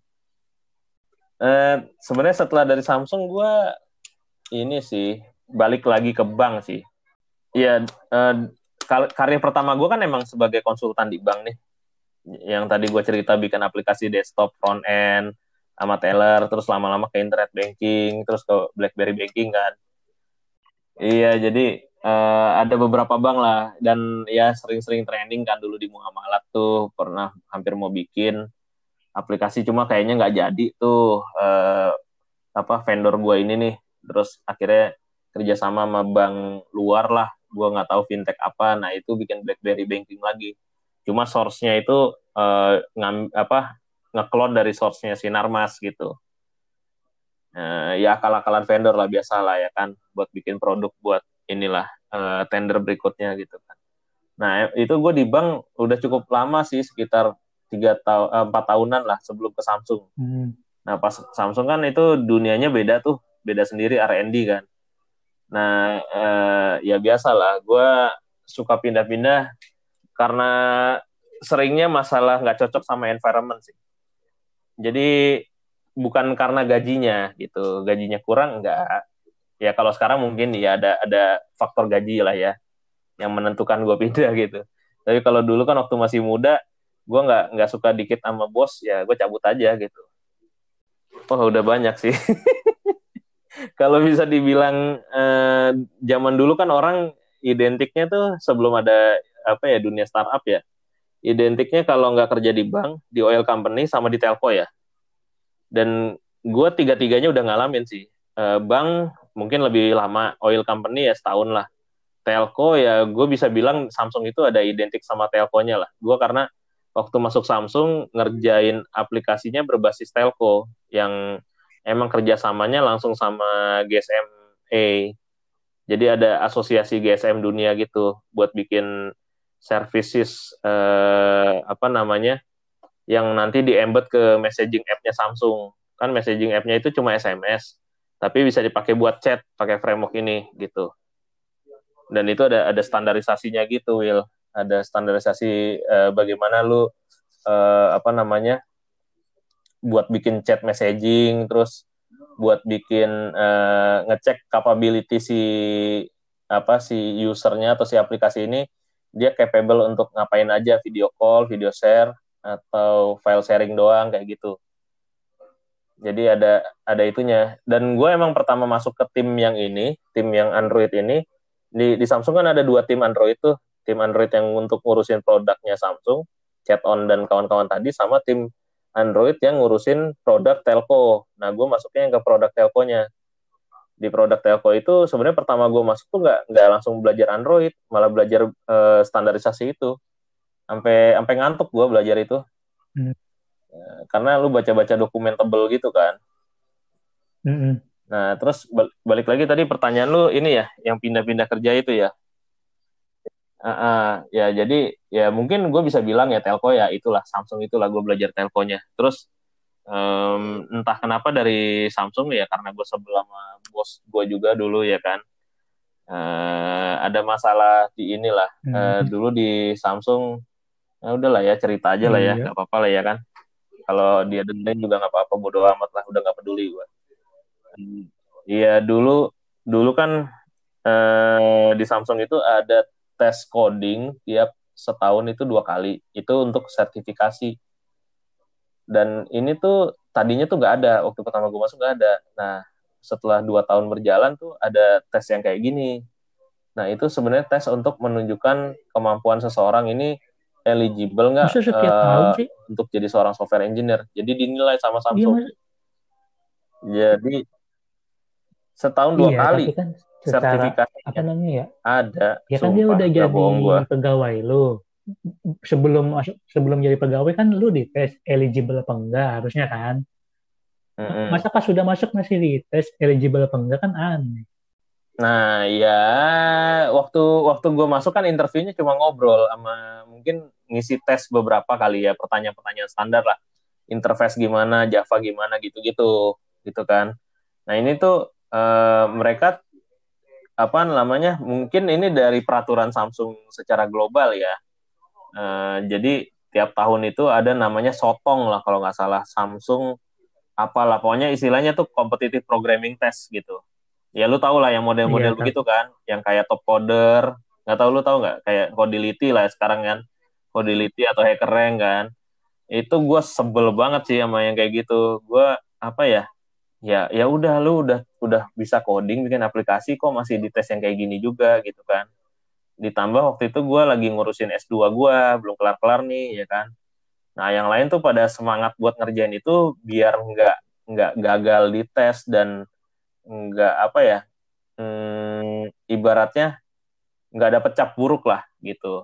Dipecat sih enggak ya cuma nanti dapat uh, penilaian buruk aja gitu. KPI lu ancur lah. Pokoknya ngancurin KPI lah kalau lu nggak tes nggak nggak nggak lulus tes ini. Gitu. Nah gua uh, waktu itu karena lebih milih mendingan beresin kuliah gua mm, gua nggak terlalu fokus di uh, belajar ini gitu. Jadi orang-orang pada belajar top coder segala macam ah bodo amat gua. Langsung aja lah tes aja gitu dan benar sih pas hari H tesnya gue nggak bisa ngerjain apa-apa gitu. Uh, ya kan dikasih waktu satu jam setengah ya buat nyelesain tiga soal. Dan itu pakai apa namanya hmm. istilahnya uh, softwarenya dia lah software si Samsung lah gitu. Uh, kayak lu tes coding pakai Codility dan lain-lain. Nah di situ gue karena gue nggak bisa sama sekali ya gue ngerjain yang asal ya udah yang penting kelar lah ujian gitu. Udah kayak anak kuliahan gimana sih males males ngerjain gitu kan. Udah selesai nih terus udah keluar hasilnya gue doang yang dipanggil dari tim gue nih dipanggil sama atasan gue dia nyuruh gue jelasin lagi gimana cara gue ngerjain. Ya gue jelasin pakai sudokot kan. Gue jelasin pakai gitu emang ya gue gue salah. Mungkin gue salah kali ya nge ngejelasinnya ya ya pokoknya gue nge eh, ngerjainnya kayak gini nggak tahu jadinya nol gitu nilainya. Gue nggak tahu kenapa. Terus dia kayaknya udah sebel juga kali sama gue ya. Uh, dia sempat ngomong gini lu tahu segala macam teknologi lu tahu cara implementnya tapi ngerjain beginian lu nggak sanggup. Uh, pokoknya loser atau apalah gue inget banget omongan dia itu bikin gue sakit hati sampai sekarang. Uh, ya itu yang bikin gue buktiin kalau gue bisa bisa ikut hackathon bisa menang ini bisa segala macam tanpa harus belajar beginian kok gitu. Ya sampai sekarang sih gue sebelnya sih sama orang-orang kayak gitu. Ya mungkin kalau lu ketemu orang-orang ex extreme itu tau lah gue nggak terlalu suka sama yang namanya algo algo ginian gitu. Ya jadi uh, dari situlah gue cabut ya dari Samsung ya. Uh, dan emang gue balik lagi ke bank karena ada tawaran dari teman gue sebagai sistem analis. Nah Pak apa uh, lu ke, gitu. ke Gojek. Ya, lu udah, ke Gojek ya. hmm. mobile apps lagi? Mobile apps lagi. Ya sebenarnya ya mungkin karena gue udah udah tahu lah ya uh, kerjaan sesuai bidang gue tuh sebagai sistem analis kayak gimana. Dan ternyata nggak ngenakin sih jadi sistem analis yang kayak gitu. Kayak ibaratnya apa ya lu coding tapi nggak punya source code gitu. Terus lu jadi cuma bisa ngasih ya? suggestion doang kan kesel ya? Kayak gitu iya ngapain deh iya kayak orang orang orang tolol gue bilang ngapain nih gue kerja codingnya juga codingan orang tapi gue bukan coding dari source code. Coding dari hasil decompile anjir. Kesel banget gue ya ya karena gue masih pengen banget di mobile ya waktu di niaga itu juga gue sempat bikin ini sih bikin versi gue sendiri nih uh, apa kalau sekarang kan namanya Octomobile ya. Dulu gue mobile. Nih gue mobile versi gue nih ya kalau lu mau pakai gitu. Uh, ya terus ikut-ikut hackathon kan. Hackathon terus menang. Ya di situ gue ini sih mulai seneng lagi sih pak apa bikin-bikin Android lah. Nah sebenarnya ya uh, ini gue jadi kayak cerita ya, pengalaman apa, kerja apa, ya lama-lama kan, ya. Kan yang, Tapi emang yang emang awal gue bilang uh, gimana Will? Ngalir aja udah, gak apa-apa. Oh iya, iya ngalir aja ya. iya sebenarnya ya gitulah. Jadi gue mulai balik lagi ke Android, uh, jadi developer Android. Waktu di Samsung kan memang mungkin karena timnya banyak juga dan gue jujur aja itu di Samsung sebenarnya nggak pernah bikin Android yang murni ya, maksudnya yang aplikasi Androidnya gitu loh. Karena gue bikinnya di ini kan, apa Android yang untuk telco kan, jadi cuma bikin framework doang. Nah, gue pengen banget bikin yang aplikasi dari nol gitu. Nah, akhirnya masuklah ke startup pertama tuh dulu, Stipe kan. Oh iya tahu. Itu setelah Enggak, enggak, belum. Belum Gojek lah, Stipe. Ada namanya stipe.com. Hmm terus ya dari situ tuh gue belajar maksimal sih Androidnya karena eh, tadinya kan nggak pernah belajar full dari nol tuh dan ya waktu di Samsung kan Android Studio juga baru ini kan migrasi kan nah ini kan sekarang udah mulai rame tuh Android Studio tuh 2015 ya udah gue mulai belajar di situ bikin aplikasi Android lagi dan caranya udah beda kan, udah nggak pakai Maven, pakai Gradle kan, gitu. Nah di situ juga Gradle-nya juga udah enak tuh, udah dibikinin default lah sama si Android Studio lah. Um, ya jadi waktu selama di Stipe itu gue mulai belajar uh, bagaimana bikin permission karena kan baru tuh di Android tuh permission tuh baru ada. Ya macam-macam lah dan itu masih Java tuh masih Java Androidnya. Um, Kotlin belum belum kenal gue tapi sebenarnya sih eh, gue udah kenal Kotlin itu sebelum masuk si Stipe ini waktu masih di Niaga. Jadi di Niaga kan sekitar 2014-2015 Kotlin itu sempat muncul uh, websitenya di forum-forum programmer ya. Itu 2015an gue sempat belajar lah sama almarhum sepupu gue uh, apa belajar ini bahasa apa nih Kotlin nih? Gitu kan. Oh ternyata ini turunannya Java tapi kok bentuknya unik ya gitu. Baru sampai segitu doang gitu nah terus pas di Stipe ini uh, udah hampir setahun lah gue di Stipe. Terus mulai kedengeran lagi tuh nama Kotlin tuh di apa forum-forum programmer kan. Gue udah udah mulai aktif tuh uh, hmm. apa ikut grup Telegram. Tadinya Telegram gue sepi Will gitu. Terus ya udah gue mulai aktif ikut ya ikut-ikut grup Telegram lah karena temen gue ternyata yang tadinya anak juk tuh. Dulu kan Java itu punya uh, grup milis ya. Java user group namanya. Nah Java user group itu dulu kan mainannya di Yahoo lah. Gue agak males lah ngikutin milis-milis gitu. Nah ternyata kan milis udah udah nggak rame nih gitu kan. Akhirnya si juk ini pindah nih. Yang dulu yang yang megang kan almarhum si Franz Tamura tuh ya kan. Uh, dia pindahin ke Telegram tuh. Terus temen gue nginvite tuh. Nah di situ baru ada pembahasan tentang Kotlin lagi tuh nah gue penasaran wah ini kayaknya gue pernah denger ya yang bahasanya kayak gini sekitar setahun lalu atau dua tahun lalu gitu. Ya udah gue cari tahu lagi. Loh ternyata sekarang bisa untuk Android nih gitu. Pas gue cobain loh kok enak ya daripada Java gitu. Nah dari situ ya udah gue coba ini uh, pelajarin Kotlin nih. Nah sampai ada tes ke Gojek. Jadi kan uh, teman gue apa namanya uh, ini apa ya istilahnya? Gue gue pengen nyari kerja nih udah pengen pindah lagi nih di Stipe. Terus uh, temen gue nawarin gue ke Gojek gitu. Ya udah lu ini aja kirim aja CV lu gitu kan. Nah pas ngirim CV terus kan lama nih nggak dipanggil. Habis itu pas dipanggil dikasih tes kan. Nah pas dikasih tes itu gue uh, pas baca syarat-syaratnya kan harus pakai ini itu ini itu oh ini banyak banget nih syaratnya nih ya kan? Tapi kayaknya gue yakin banget orang Gojek belum tahu Kotlin nih gitu. Ya emang agak-agak narsis lah gue orangnya ya kan? Will lu tau lah ya kan? Ya udah akhirnya gue coba bikin aplikasi Android pakai Kotlin dan pakai yang sesuai requirement requirementnya mereka. Jadi uh, desain patternnya harus pakai MVP terus harus pakai uh, dependency injection lah harus pakai apa namanya uh, library networking untuk komunikasi keras segala macam ya gue ikutin itunya tapi gue bikin pakai cara Kotlin dan harus ada unit test. Oke okay, unit testnya juga gue Kotlinin gitu. Gue berharap orang yang ngecek kode gue di Gojek nggak akan ngerti kode Kotlin gitu. Dan emang bener mereka bingung ngecek kode Kotlin gue karena rata-rata di sana Java masih Java. Dan bukan rata-rata sih hampir seluruh dunia mungkin 2016 itu belum kenal Kotlin kan uh, ya mungkin buat sebagian orang lah. Developer Java yang udah mulai beralih ke Kotlin gitu. Nah ya udah. Jadi pas gue di interview pun juga mereka bingung ini sebenarnya uh, lu ngerjain ini kayak gimana sih alurnya gitu. Ya gue jelasin ulang aja alur gue kayak gini gini gini.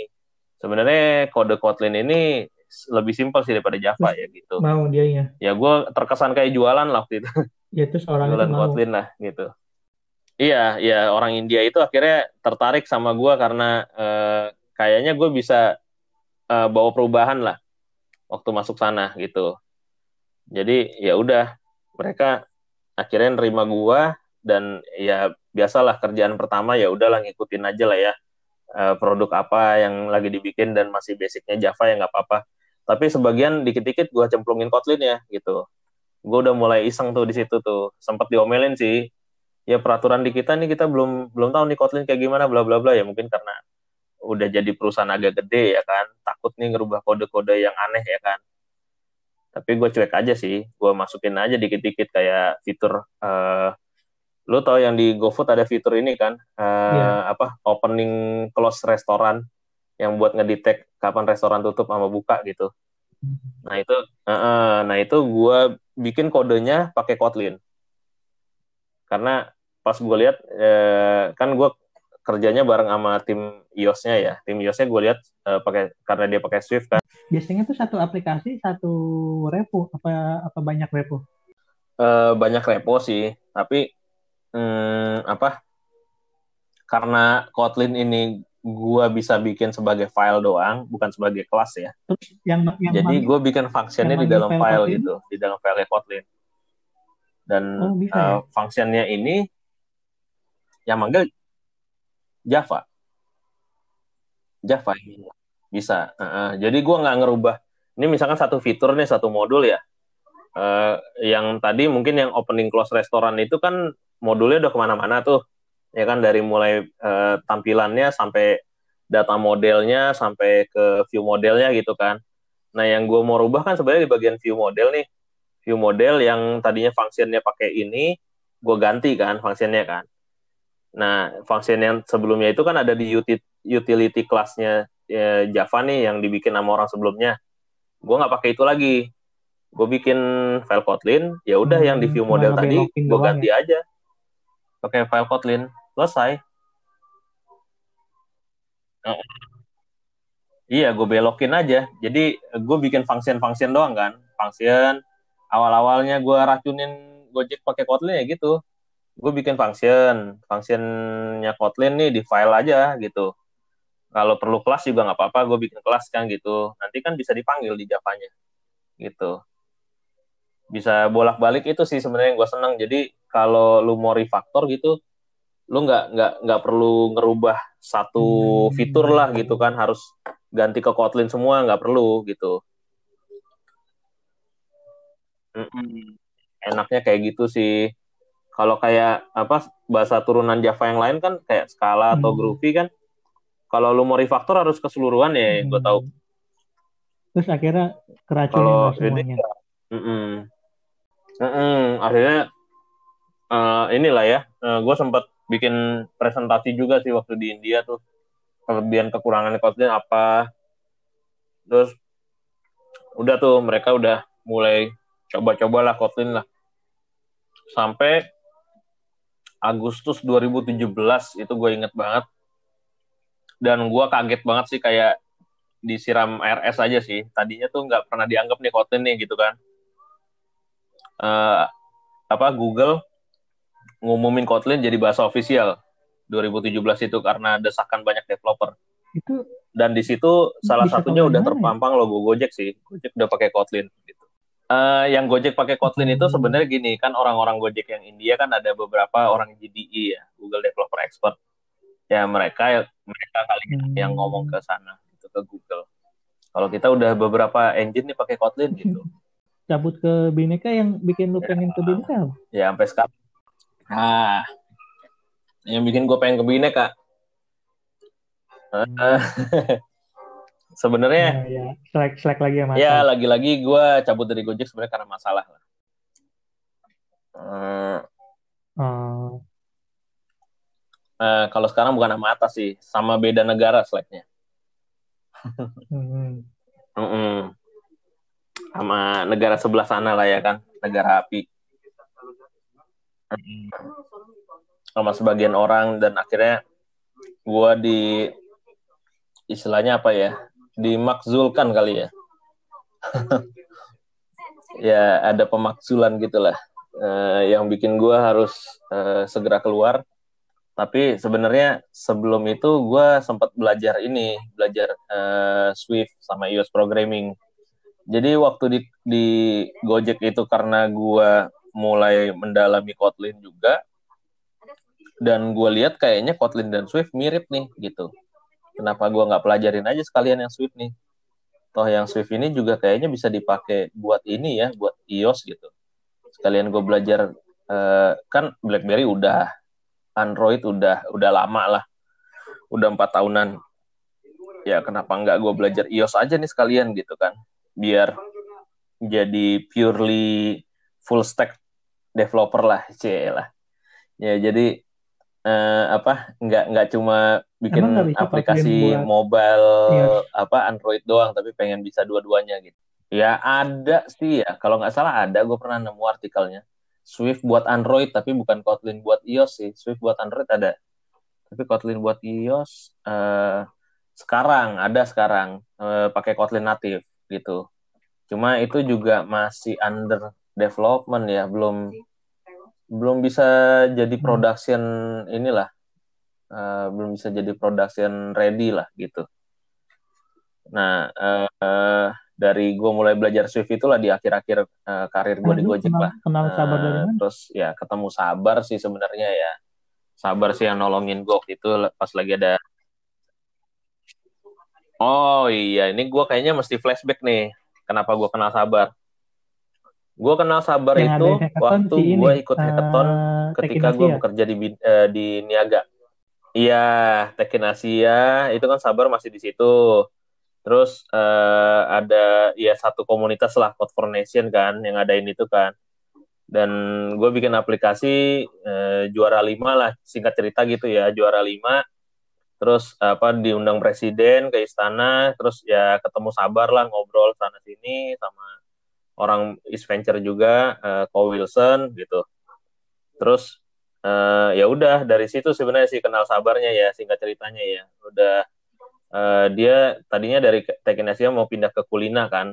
Uh, waktu gue kenal itu cerita-cerita kayak gitu. Terus dia tadi itu seorang bisnis development lah si Sabar ini. Bukan PM iya bukan PM bukan HR dia gitu bisdev dia tadinya. Bisdev yang kayaknya PO ya istilahnya PO ya kalau nggak salah. Uh -uh. terus ya pas gue di Stipe juga gue ketemu lagi sama Sabar hmm. karena dia ngantor bareng si Asar tuh ternyata ya kan di apa Seribu Lancer kan. Terus dia bikin Halo Diana tuh. Nah waktu gue masih di Stipe kan dia si Sabar udah pindah ke Bineka tuh.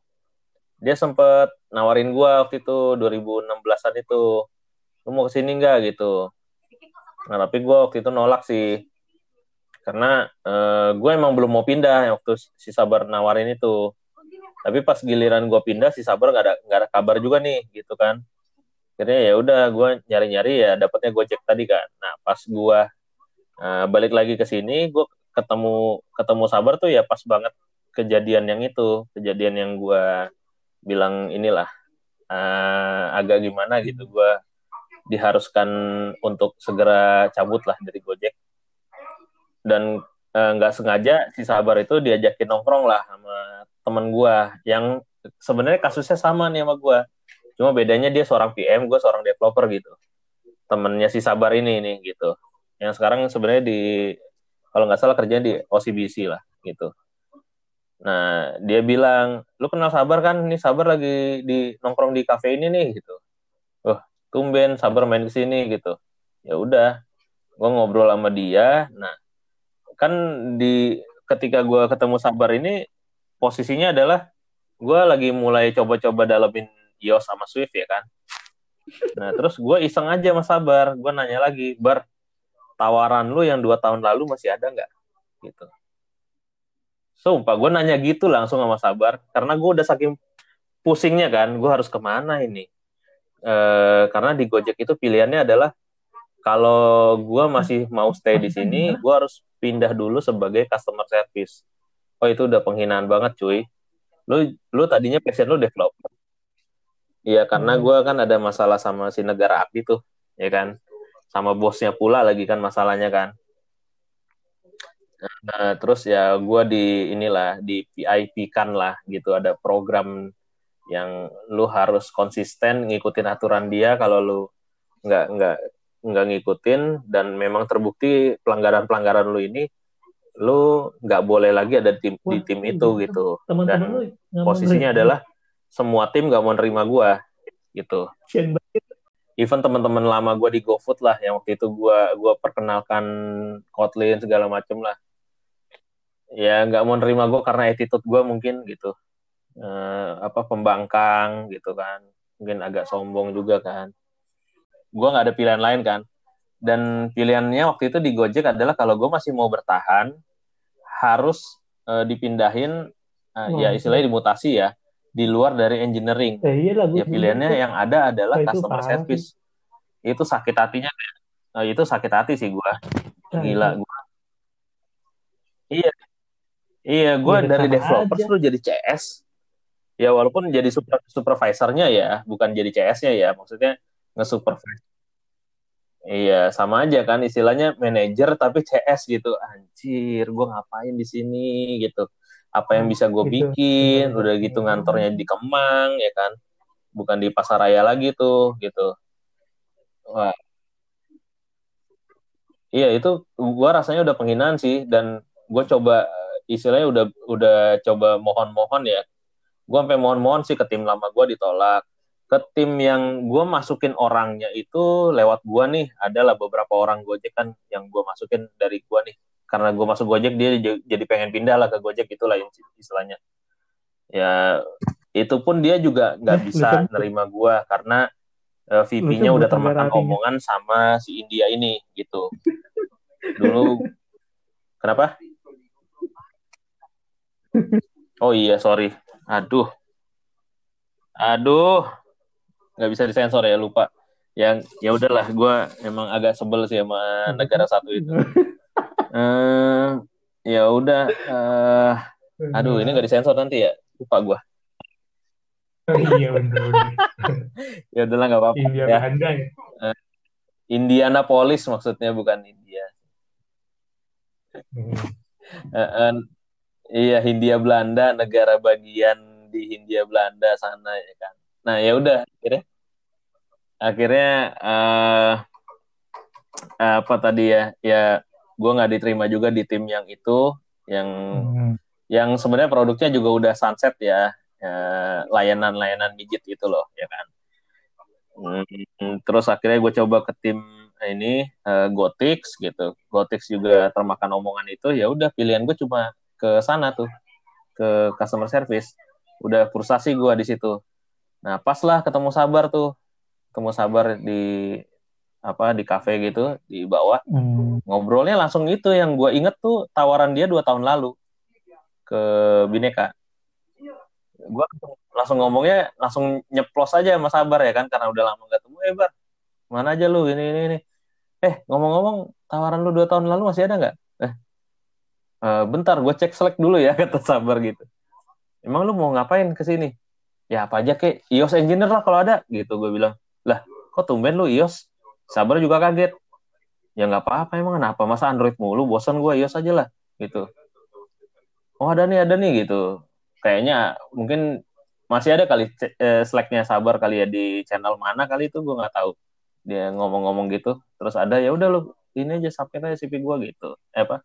CV lu. Ya udah. Hmm. proses lah akhirnya masuk sih eh, sekarang kan ke bineka gitu sih ceritanya Will di Hmm. satu sisi mana waktu itu sebenarnya gue baru ngambil rumah Will Git- gitu. Ya pokoknya berat banget sih ujiannya waktu itu. Jadi ya udahlah. Akhirnya hmm, apa gue pontang panting lah nyari sana sini lah. Eh, ya karena eh, pilihannya tinggal CS itu gue udah nggak bisa terima sih. Ya kalau lu kan tadi milihnya da- eh, setelah lu lu kena kasus eh, lu nggak akan begging ke ke mana pun kan. Lu langsung aja siap-siap cabut gitu kan. Eh, kalau gue masih berharap ada yang nerima gue karena gue ngerasa eh, ini tim beberapa tim di sini tuh udah sempat Iya, gue bantuin gitu. Eh, nggak ada yang bantuin gue apa namanya? lu, lu harusnya udah bisa ngerasain buat kalaupun lu udah pernah ngebantuin dia kan seenggaknya dia yang nawarin "Ya udah lu kalau lu bisa ngeterima ke gua aja kan pasti ada penawaran kayak gitu. Cuma kan ini nggak ada. Berarti kan emang emang lu nggak dibutuhin tapi lu pengen banget di situ. Wah gua mah kalau mau gua mah. Kalau Iya, emang bener bener-bener orang itu yuk udah penghinaan lu, banget sih ya kan itu. dia nawarin ya udah yeah. aja ke tempat gua. Kan pasti gitu. Iya bener juga sih ini. Aduh ya udahlah.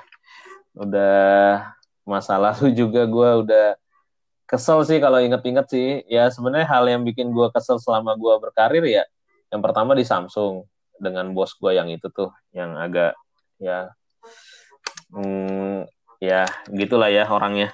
Terus yang kedua sama negara api ini nih gitu kan waktu gue di Gojek. Itu aja sih yang bikin gue teringat-ingat sampai sekarang sih. Eh, yang bisa jadi menentukan eh, Hmm, karir nah, gue ke depan kalau gue mau melangkah tuh gue harus hati-hati pas model-model yang bilang, lagi. gue kontang moting nyari sana sini kan gitu. lu pengalaman lu udah banyak lu ke mana-mana udah sering. Masa lu connect eh, networkingnya nggak nggak banyak sih? Nah, ya mungkin karena gue orangnya ya panikan juga kali ya. Jadi karena ini kan sebenarnya gue nggak dikasih waktu tuh buat ngundurin diri atau pindah ya, pindah ke CS tadi tuh. Cuma Hmm. dikasih waktu kurang dari tiga, dua minggu apa keputusannya, gue harus ke mana gitu. Jadi ya pas, eh, eh, jadi pas gue coba di, eh, ya gue nggak nggak tahu karena gue kalau kalau gue udah panik biasanya gitu gue nggak nggak bisa mikir nih gue harus ke mana gitu nah yang ada di depan mata aja gue embat nah kebetulan ya kayak model sabar nih ada di depan mata nih ya kan ya udah akhirnya gue bilang ini kapan bisa diproses bar? Gini, gini gitu. Ya udah akhirnya diproses segera kan. Nah sebenarnya kan waktu itu gue interview Hmm. juga tuh ke salah satu Sebut. startup juga lah. Sebut. Nah, Sebut aja. apa? Ya udahlah sebut aja lah ya. Boleh sebut apa enggak nih? Nggak boleh? Didit? Oh sebut. situ. Sebut aja ya udah buka lapak lah tempatnya Didit sekarang kan. masih di- jadi antara buka lapak.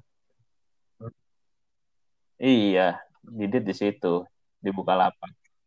Oh itu. Waduh, udah panjang karir dia juga dari Amarta sebelum ke Bukalapak tuh. iya, pindah-pindahnya juga udah panjang tuh perjalanannya sebelum ke Bukalapak. Ya gitulah. Jadi gue sempat ke Bukalapak interview dan itu juga udah lewat inilah, lewat koneksi gue yang anak-anak uh, komunitas lah ya. Dan emang yang yang di Bukalapak ini kan VP-nya nih yang gue japriin tuh gitu. Gue harapannya sih bisa dapat cepat sama dia. Nah ternyata interviewnya nggak memuaskan nih. Terus pas ke Bineka uh, lancar tuh lumayan kan interviewnya kan. Nah dap dapat nih dua-duanya nih offering kan. Yang dibuka lapak sih udah jelas nggak akan gue ambil gila offeringnya turun dua kali lipat dari dari Gojek ke startup sebelumnya lagi sebelumnya lagi wah nggak ada gue gitu.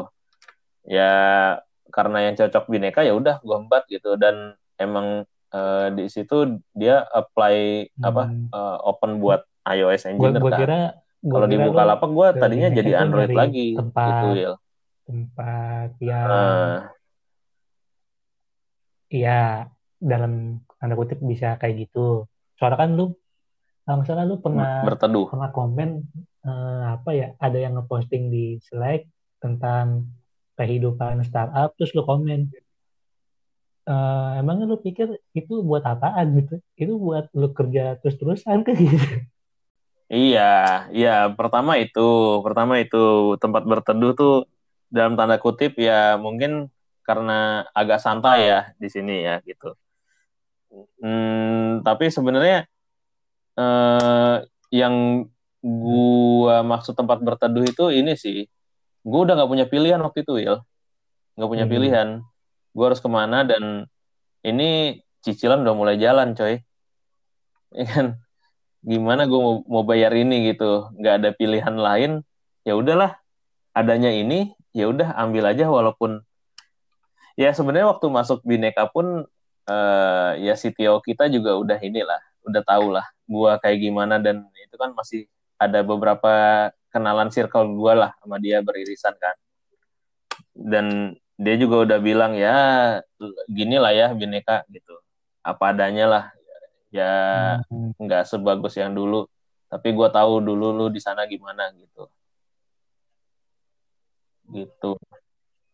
Mm -mm. ya lu nikmatin aja dulu di sini dia gitu. Dan itu juga gue waktu pindah kan masih shock kan shock dalam uh, dalam tanda kutip tuh anjir gue bisa kayak gini ya tiba-tiba di Depak dibuang jauh hmm. terus ke tempat yang kayak gini gitu. Maksudnya maksudnya tempat yang biasa-biasa aja ya Will ya gitu. Karena kan uh, eh, gue kan masih suka sama bidang yang tadi gue bilang tuh red hailing dan lain-lain. Ini tiba-tiba ke e-commerce padahal dulu gue udah pernah uh, ya istilahnya zaman kuliah ya zaman kuliah kan ada beberapa temen kampus gue bikin aplikasi e-commerce gue pikir ah e-commerce mah terlalu inilah terlalu cemen lah gitu kan. Ya paling isinya uh, ya hmm. nggak jauh-jauh dari belanja lah gitu kan. Makanya gue dari dulu nggak pernah mau masuk e-commerce Will karena menurut gue standar lah gitu ininya apa ilmunya ya gitu uh, ini bukannya bukannya nyombong ya tapi gue emang nggak suka gitu. Nggak suka sama bidang itu kayak terlalu umum lah gitu. Orang kan kalau e-commerce sudah tahu lah pasti belanja online apalagi sih produk digital. Terus apalagi sih paling ngomongin SKU merchant gitu kan. Jadi tidak punya tantangan tersendiri lah gitu. Kalau lu lu lihat karir pet gue kan uh, mungkin banking lebih lama nih industri perbankannya ya itu kan ada challenge-nya sendiri tuh gimana lu apa namanya hmm. bikin aplikasi yang transaksinya tuh agak-agak sedikit berbahaya lah kalau lu salah coding kan. Banking jadi tantangannya besar lah di situ. Terus yang kedua waktu ke oil company ya mungkin karena dulu banyak orang identik tuh ya kalau nggak banking oil telco dan gue pengen nguasain semuanya gitu terus uh, pas dari situ kan gue sempat nyoba sosial media kan yang setipe tadi tuh Nah itu menurut gue juga bidang paling unik gitu. Uh, bagaimana menyatukan dua manusia kan. Dari mulai pacaran sampai nikah, itu dampak sosialnya kayak gimana. Jadi ada yang unik-unik lah. Gue sebenarnya lebih suka hal-hal yang unik. Kalau e-commerce tuh gue bilang halnya uh, hal yang paling umum lah. Udah common banget. Makanya gue nggak terlalu Sekarang, suka pindah-pindah ke e-commerce gitu. Setelah nyemplung nah, terus, ke e-commerce? Ya dulu dulu sebelum ke Bineka ya. Setelah nyambung ke e-commerce ternyata ya e-commerce itu nggak cuma ini ya. Nggak cuma yang hal yang belanja belanja online doang gitu.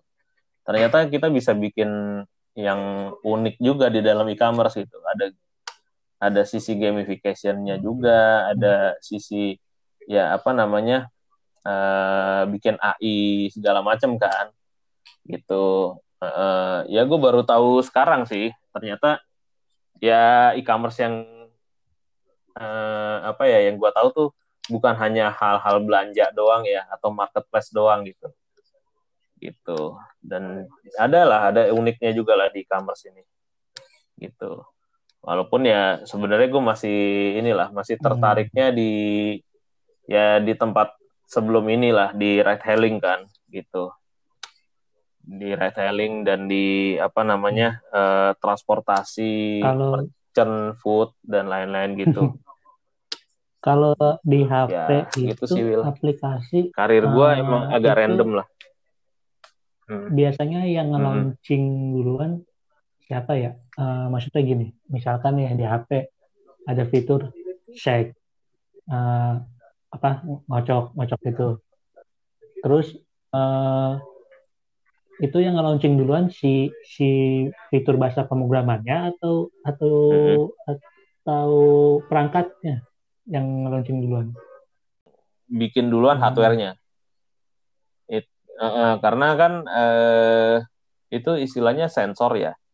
Sensor, giroskop dan lain-lain itu lebih Berarti, duluan muncul uh, ketimbang nih, uh, ada iPhone um, baru muncul. apa SDK-nya uh, atau API-nya. Di, di device-nya itu dia bisa gitu sebelumnya nggak bisa ngedetect uh, apa namanya authorize pakai pakai muka uh, nah itu si si perangkat ini pake. dia uh, sekaligus ngasih tahu oh, iya, ke para developer muka, ya iya. ini kita ada ada ada hardware kayak gini tapi itunya belum ada gitu ya iya iya jadi kayak hmm, mungkin contohnya kayak ini sih kayak dulu Samsung kan selain Android dia punya OS Tizen ya. Nah di OS Tizen ini kan uh, dulu sempat munculnya di Galaxy apa sih nama nama Jepangan dia Galaxy Watch ya, eh Galaxy Gear ya. Nah di Galaxy Gear ini kan dia muncul duluan tuh secara hardware-nya, terus baru OS-nya akhirnya dikasih tahu kita pakai Tizen bukan pakai Android. Nah nggak lama dari situ baru mereka hmm. bikin SDK-nya supaya uh, apa namanya terjadi ekosistem sih sebenarnya kan inti intinya tuh uh, kalau misalkan si apa ya perusahaan tersebut ya contohnya kayak Apple lah ya Apple dia dia mau bikin hardware supaya hardware dipakai orang terus berarti kan dia harus punya kelebihan. Pertama hardware ini bisa ngapain gitu kan. Tapi supaya orang makin tertarik uh, dengan banyak fitur gitu kan otomatis kan harus dikembangin nih fiturnya kan. Tapi kan nggak mungkin kalau pakai istilahnya internal timnya mereka doang nih gitu kan. Nah supaya rame ya dibikin pasar kan. Nah cara bikin pasarnya ya bikin SDK bikin apa namanya core kitnya gitu kan. Terus otomatis kan developer aplikasi tertarik lah ya. Karena kan dikasih tahu sama Apple nih pertama uh, beberapa contoh aplikasi biasanya kan dikasih tahu duluan kan. Ini aplikasi ini kita pakai SDK ini cara bikinnya gini gitu. Terus jadi kan hmm, orang mulai tertarik bikin produknya sendiri nih gitu kan. Akhirnya terjadilah ekosistem. Gitu Will pertanyaan gue ini uh, lu lebih oh, suka hybrid uh, gue inget sih natif atau lu lebih suka yang Flutter atau React Native?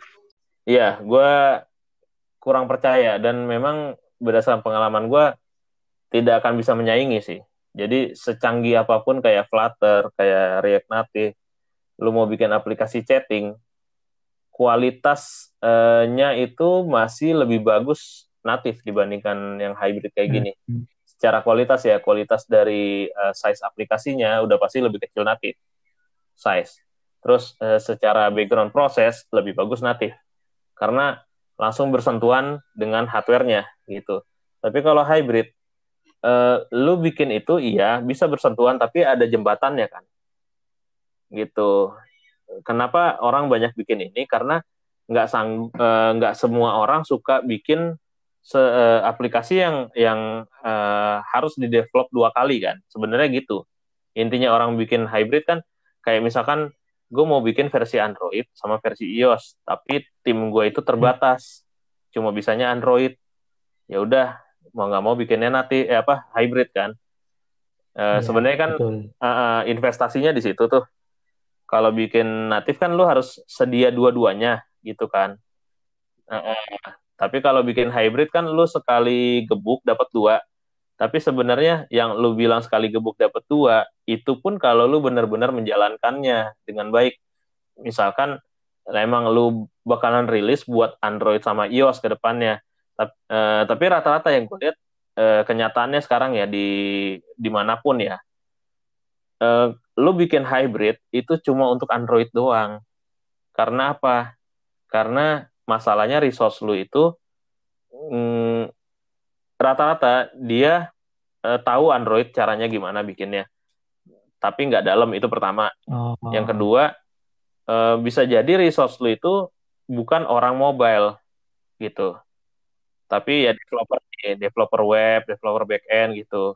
Tapi diminta mungkin nama perusahaannya bikin kan karena dia tahunya ilmu web ya udah dia bikin yang pakai hybrid karena kan kalau hybrid kan uh, ya banyak lah contohnya ya kayak React Native atau Flutter hmm. lu tinggal bikin yang gayanya kayak web ya jadinya kan bentuknya natif nih gitu kan nah, sebenarnya itu aja sih In, balik lagi ke investasi sih nah uh, atau ya sebenarnya lu bisa bikin resource lu itu upgrade untuk mendalami dua hal ini gitu. Ya sekarang kan yang paling umum cuma Android dan iOS kan, udah nggak ada lagi BlackBerry sama Windows Phone. Dulu lu bisa bayangin, mungkin gue tadi nggak cerita nih di Samsung ya. Di Samsung itu gue eh, apa dulu punya beberapa tim yang ngurusin Android ada, ngurusin BlackBerry ada, ngurusin Windows Phone ada, ngurusin iOS ada. Bayangin ada empat platform yang harus di develop jadi misalkan ada aplikasi chat on Android, hmm. chat on chat on iOS, chat on Windows Phone, sama chat on BlackBerry. Nggak mungkin kan orang bisa belajar semua itu. Itu udah beda-beda semua tuh. An uh, Android itu pakai Java dulu kan, terus iOS itu pakai Objective C, BlackBerry oke okay lah Java tapi Javanya beda sama Android nih. Antara kalau Android 1.6, uh, BlackBerry 1.4. Windows Phone udah jelas-jelas jauh banget nih, pakai Microsoft C Sharp ya kan Ya, itu zaman dulu. Zaman dulu bayangin ada empat platform yang harus lu siapin. Sekarang cuma tinggal dua. Seharusnya eh, apa ya? Secara resource nih, secara kemampuan, lu bisa belajar dua-duanya ini sih. Gitu. Apalagi sekarang bahasanya sama, mirip. Gitu. Kotlin gimana, Swift gimana ya sebenarnya nggak ada bedanya gitu. Tinggal belajar aja. Ya jadi bisa di-upgrade hmm. kemampuan orang tersebut nih untuk mendalami dua-duanya untuk bisa bikin dua aplikasi. Cuma memang ya, ya codingnya pasti dua kali kan. Bedanya kalau hybrid kan pasti lo codingnya sekali kan. Tapi kalau untuk di maintain jangka panjang itu gue nggak yakin bagus. Selama ini nggak pernah ada aplikasi hybrid yang keren.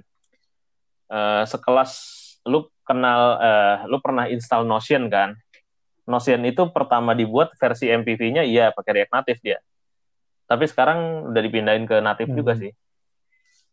Instagram, Instagram yang orang tahu dulu itu React Native kan. Instagram itu bullshit, nggak nggak React Native 100% kok. Dia ada natifnya itu. Coba aja lu lu ini deh. Lu coba debug gitu pakai Android simulator. Eh, Android simulator lagi. Kalau lu punya handphone Android pakai developer mode, itu lu nyalain lay layout bondnya ada kok yang natifnya sekarang di situ. Airbnb, Airbnb dulu React Native. Terus kenapa sekarang dipindahin ke native? Karena mereka sadar kemampuan si hybrid ini tuh ada limitasinya. Pasti ada limitasinya. Itu gue yakin banget. Limitasinya entah itu lu bikin plugin terus mentok gitu, udah nggak bisa nih uh, nyentuh level natifnya, atau yang kedua itu uh, lu butuh library sesuatu untuk ngakses Bluetooth nih misalkan, tapi nggak ada library-nya, mentok kan. Hmm. Tapi lu nggak punya kemampuan untuk bikin plugin yang bridgingnya tadi. Karena bridgingnya kan harus pakai bahasa natif kan? Mau nggak mau belajar itu kan? Gitu. Ya jadi ya itu sih menurut gue sih. Kalau mau bikin aplikasi hybrid atau natif itu tergantung pilihan pilihannya ini jangka panjangnya mau di maintainnya kayak gimana kalau sebatas form input itu masih oke okay, kena ke hybrid ya tapi kalau udah mulai aneh-aneh keluar fitur gamification terus uh, tracking push notif push notif hmm. aja tuh hmm. yang kayak sekelas yeah. hybrid ya kayak Flutter itu masih oh. tersendat kadang-kadang gitu. Iya ini yang apa namanya mm -hmm. uh, kelebihan si hybrid sama React Native kalau seandainya di compare. Apa tuh? Mm -mm. Mm -mm, bener. Seandainya di compare ya itu uh, nggak cuma size ya, size sudah pasti lebih kecil natif dibanding hybrid ya. Hybrid lu Hello World aja udah 8 mega. Tapi kalau natif hmm. apa Hello World tuh paling 2 mega lah gitu. Nggak nggak gede-gede banget size-nya. Yeah. Uh, tapi kalau ngomongin size doang kan itu sekarang storage gede-gede lah handphone kan nggak ngaruh kan. Sekarang kita bandingin aja sama fitur yang langsung nyentuh ke hmm. ininya, ke apa ya sih namanya? ke native hardware-nya. Kayak lu mau bikin tapping NFC ini Tapping NFC itu kayaknya sih so far setahu gua oh, gitu. nggak ada ya plugin hybrid ya untuk baca NFC. Paling lu harus bikin bikin natifnya. Iya, ya kayak lu bikin tapping-tapping nih ya kan nggak mungkin lah itu pakai hybrid. Karena kayaknya sih gue nggak pernah lihat sih ada library hybrid yang bisa baca NFC. Kalau kamera banyak ya kan, GPS udah banyak lah gitu, push notif juga udah lumayan. Uh, untuk tracking GPS yang hmm, tapi kan uh, bisa irit uh, baterai masih lebih iritan pakai natif sih. Nggak, gitu. tahu nih uh, eh, ke depannya gimana. Kayak kayak dulu uh, JavaScript. Mm -hmm. JavaScript siapa sih yang yang mengira dia bakal sebesar ini yang cuman pemanis website doang dulunya. Mm -hmm terus sekarang jadi jadi gila sekarang kayak gini iya iya benar-benar iya Iya, jadi banyak bentuknya ya, bisa jadi server, jadi, bisa jadi ya kayak ya. tadi nih hybrid ya kan. Tapi tahu sih. Mm -mm. Ya sebenarnya itu sih pilihannya. Ya kayak scan QR code, barcode ada sih, ya ya aplikasi PWA juga ada kan yang buat scan QR code barcode kan. Ya, Tapi nggak nggak bisa sebagus ini, ya. ini natif cara nangkepnya gitu. Iya untuk saat ini, ya bisa bisa jadi teknologi ke depannya ya kayak kayak contohnya kan Google sendiri juga selalu punya dualisme visi kan. nggak nggak cuma ini doang tempat kita sekarang Will punya dualisme visi. Google dari dulu kan punya punya dualisme visi dari dulu. Mungkin multiverse visi dia. Ya bikin satu dimatiin satu terus gak di maintain udah biasa lah di Google kan. Kayak dia punya angular gak dikelarin angular 2 muncul uh, broken hmm. gitu kan. Terus kayak golang oke okay lah yang golang bagus lah ya karena dikembangin uh, sama open source kan Android juga masih oke okay, tapi beberapa library-nya Android library library pendukung tuh kadang-kadang dibikin kayak seolah-olah cuma buat naikin apa ya istilahnya mungkin kalau di Google itu karyawannya misalkan mau naikin jabatan dia harus bikin library sesuatu yang wah gitu yeah. terus nanti dipakai orang mungkin ya ini gue yeah, masih berasumsi aja sih apa namanya? terus kalau udah udah udah Google, keren Google gitu plus. dia bisa naik jabatan terus nggak di maintain gitu nah iya kayak gitulah modelnya lah Android kan banyak tuh library-library yang mereka bikin terus nggak di maintain atau mereka bikin dokumentasinya nggak lengkap kayak gitulah banyak kan uh, di satu sisi kan sebenarnya dia pengen bikin OS baru tuh namanya Fusia kan. Fusia itu kan OS uh, eh, mobile yang katanya sih nanti jalan di Chromium uh, Chromium Engine juga gitu kan. Jadi kan Pixelbook-nya dia kan basicnya dari Chromium kan. Um, jadi dia bisa bikin aplikasi on top of itu uh, nanti basicnya modelnya tuh kayak browser kan. Ya bisa jadi nanti ke depannya ya teknologi hybrid ini uh, apa ya uh, lumayan bisa mendongkrak lah dibandingkan natif gitu. Karena sebenarnya di satu sisi kan uh, Kotlin pun juga bikin yang namanya hmm. teknologi hybrid kan ada yang namanya uh, tadi gue bilang Kotlin multiplatform tuh Kotlin natif ya kan?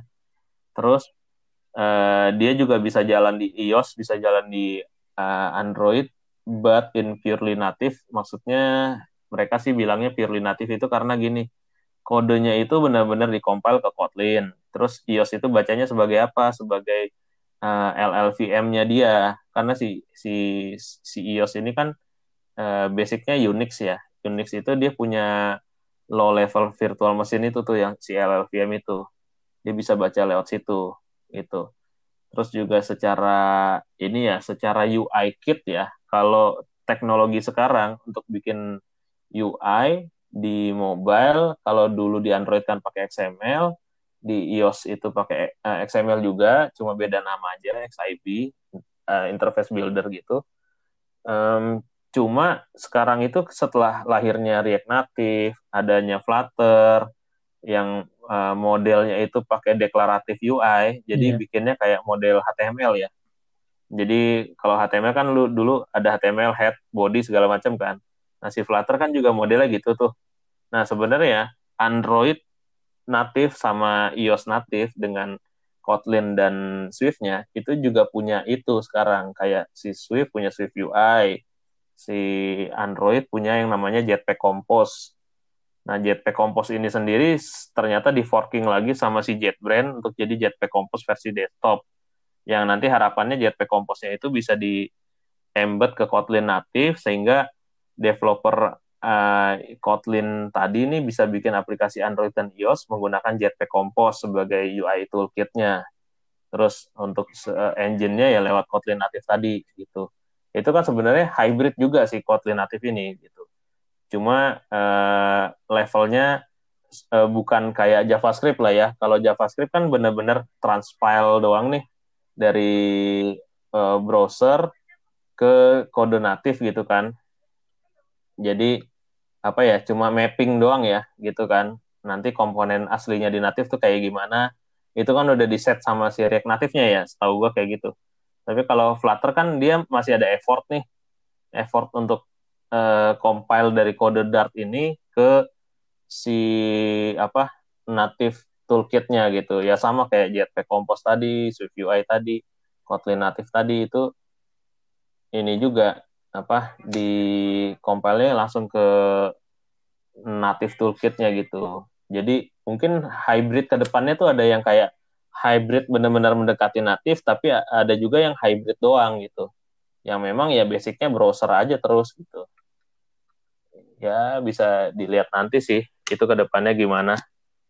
Tergantung ya tadi ada OS kayak Fusia itu sih yang bisa jadi uh, mungkin the next aja. inilah buat ganti gantiin Android. depannya. Akan bagus atau enggak. Gitu sih Will Mm-mm. Segila apa ke depannya teknologi ini ya sebenarnya ya PWA juga kan udah bisa ganti ini kan Will. PWA lebih bagus daripada uh, instant app lah, instant appnya Android malah udah dimatiin ya. nama Google ya biasalah Google kan gitu. jadi oke lah ini udah jam satu lewat satu menit. Iya. Yeah, gitu ya.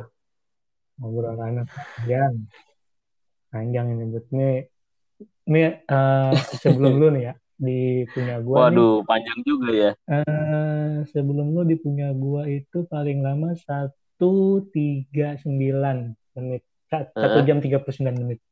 Mungkin Astaga, mungkin kita Bukan karena lama banget ya. Nah ini gua nggak tahu deh, ini karena udah sepanjang ini gua nggak tahu Dan ini beneran gua, beneran mm, ringkasin hmm. atau enggak.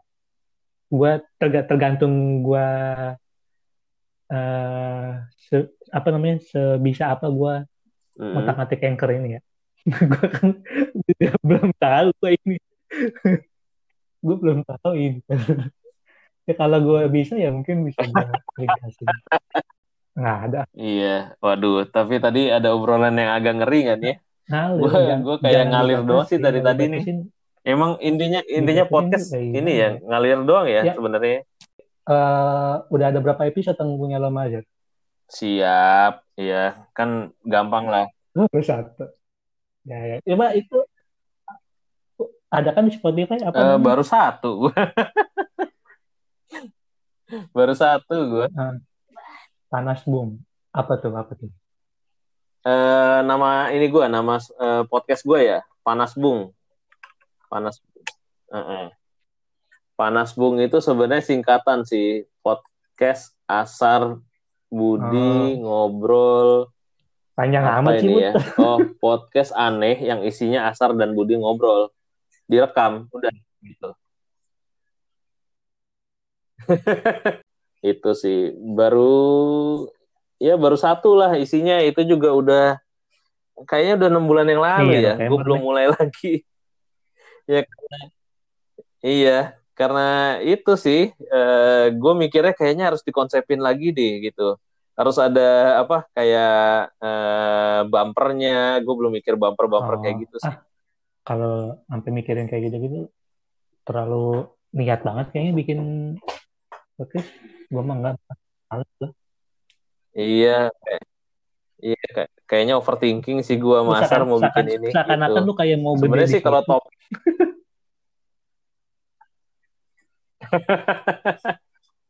Iya makanya sih, gua gua nggak nggak coba ngalir dulu sih ya. Jadi ya padahal topiknya sih udah lumayan banyak sih. Yang gue pengen ini ya, gue pengen bawain tuh kayak ya tadi ya sisi kelamnya develop eh, apa developer aplikasi, terus produk design, terus ada juga yang gue bilang eh sebenarnya kita nggak butuh-butuh banget desain sistem lah, buat apa nggak penting gitu kan. Terus kayak eh, microservice itu cuma distributed monolitik lah, lu ngapain sih mikirin microservice gitu. Jadi benar-benar obrolan yang eh, apa ya kontradiktif lah. Ya, ya. Siap, siap. Ini juga lumayan sih 20 menit. Heeh. Sip, Thank you, Bud ya ya. udah, oke.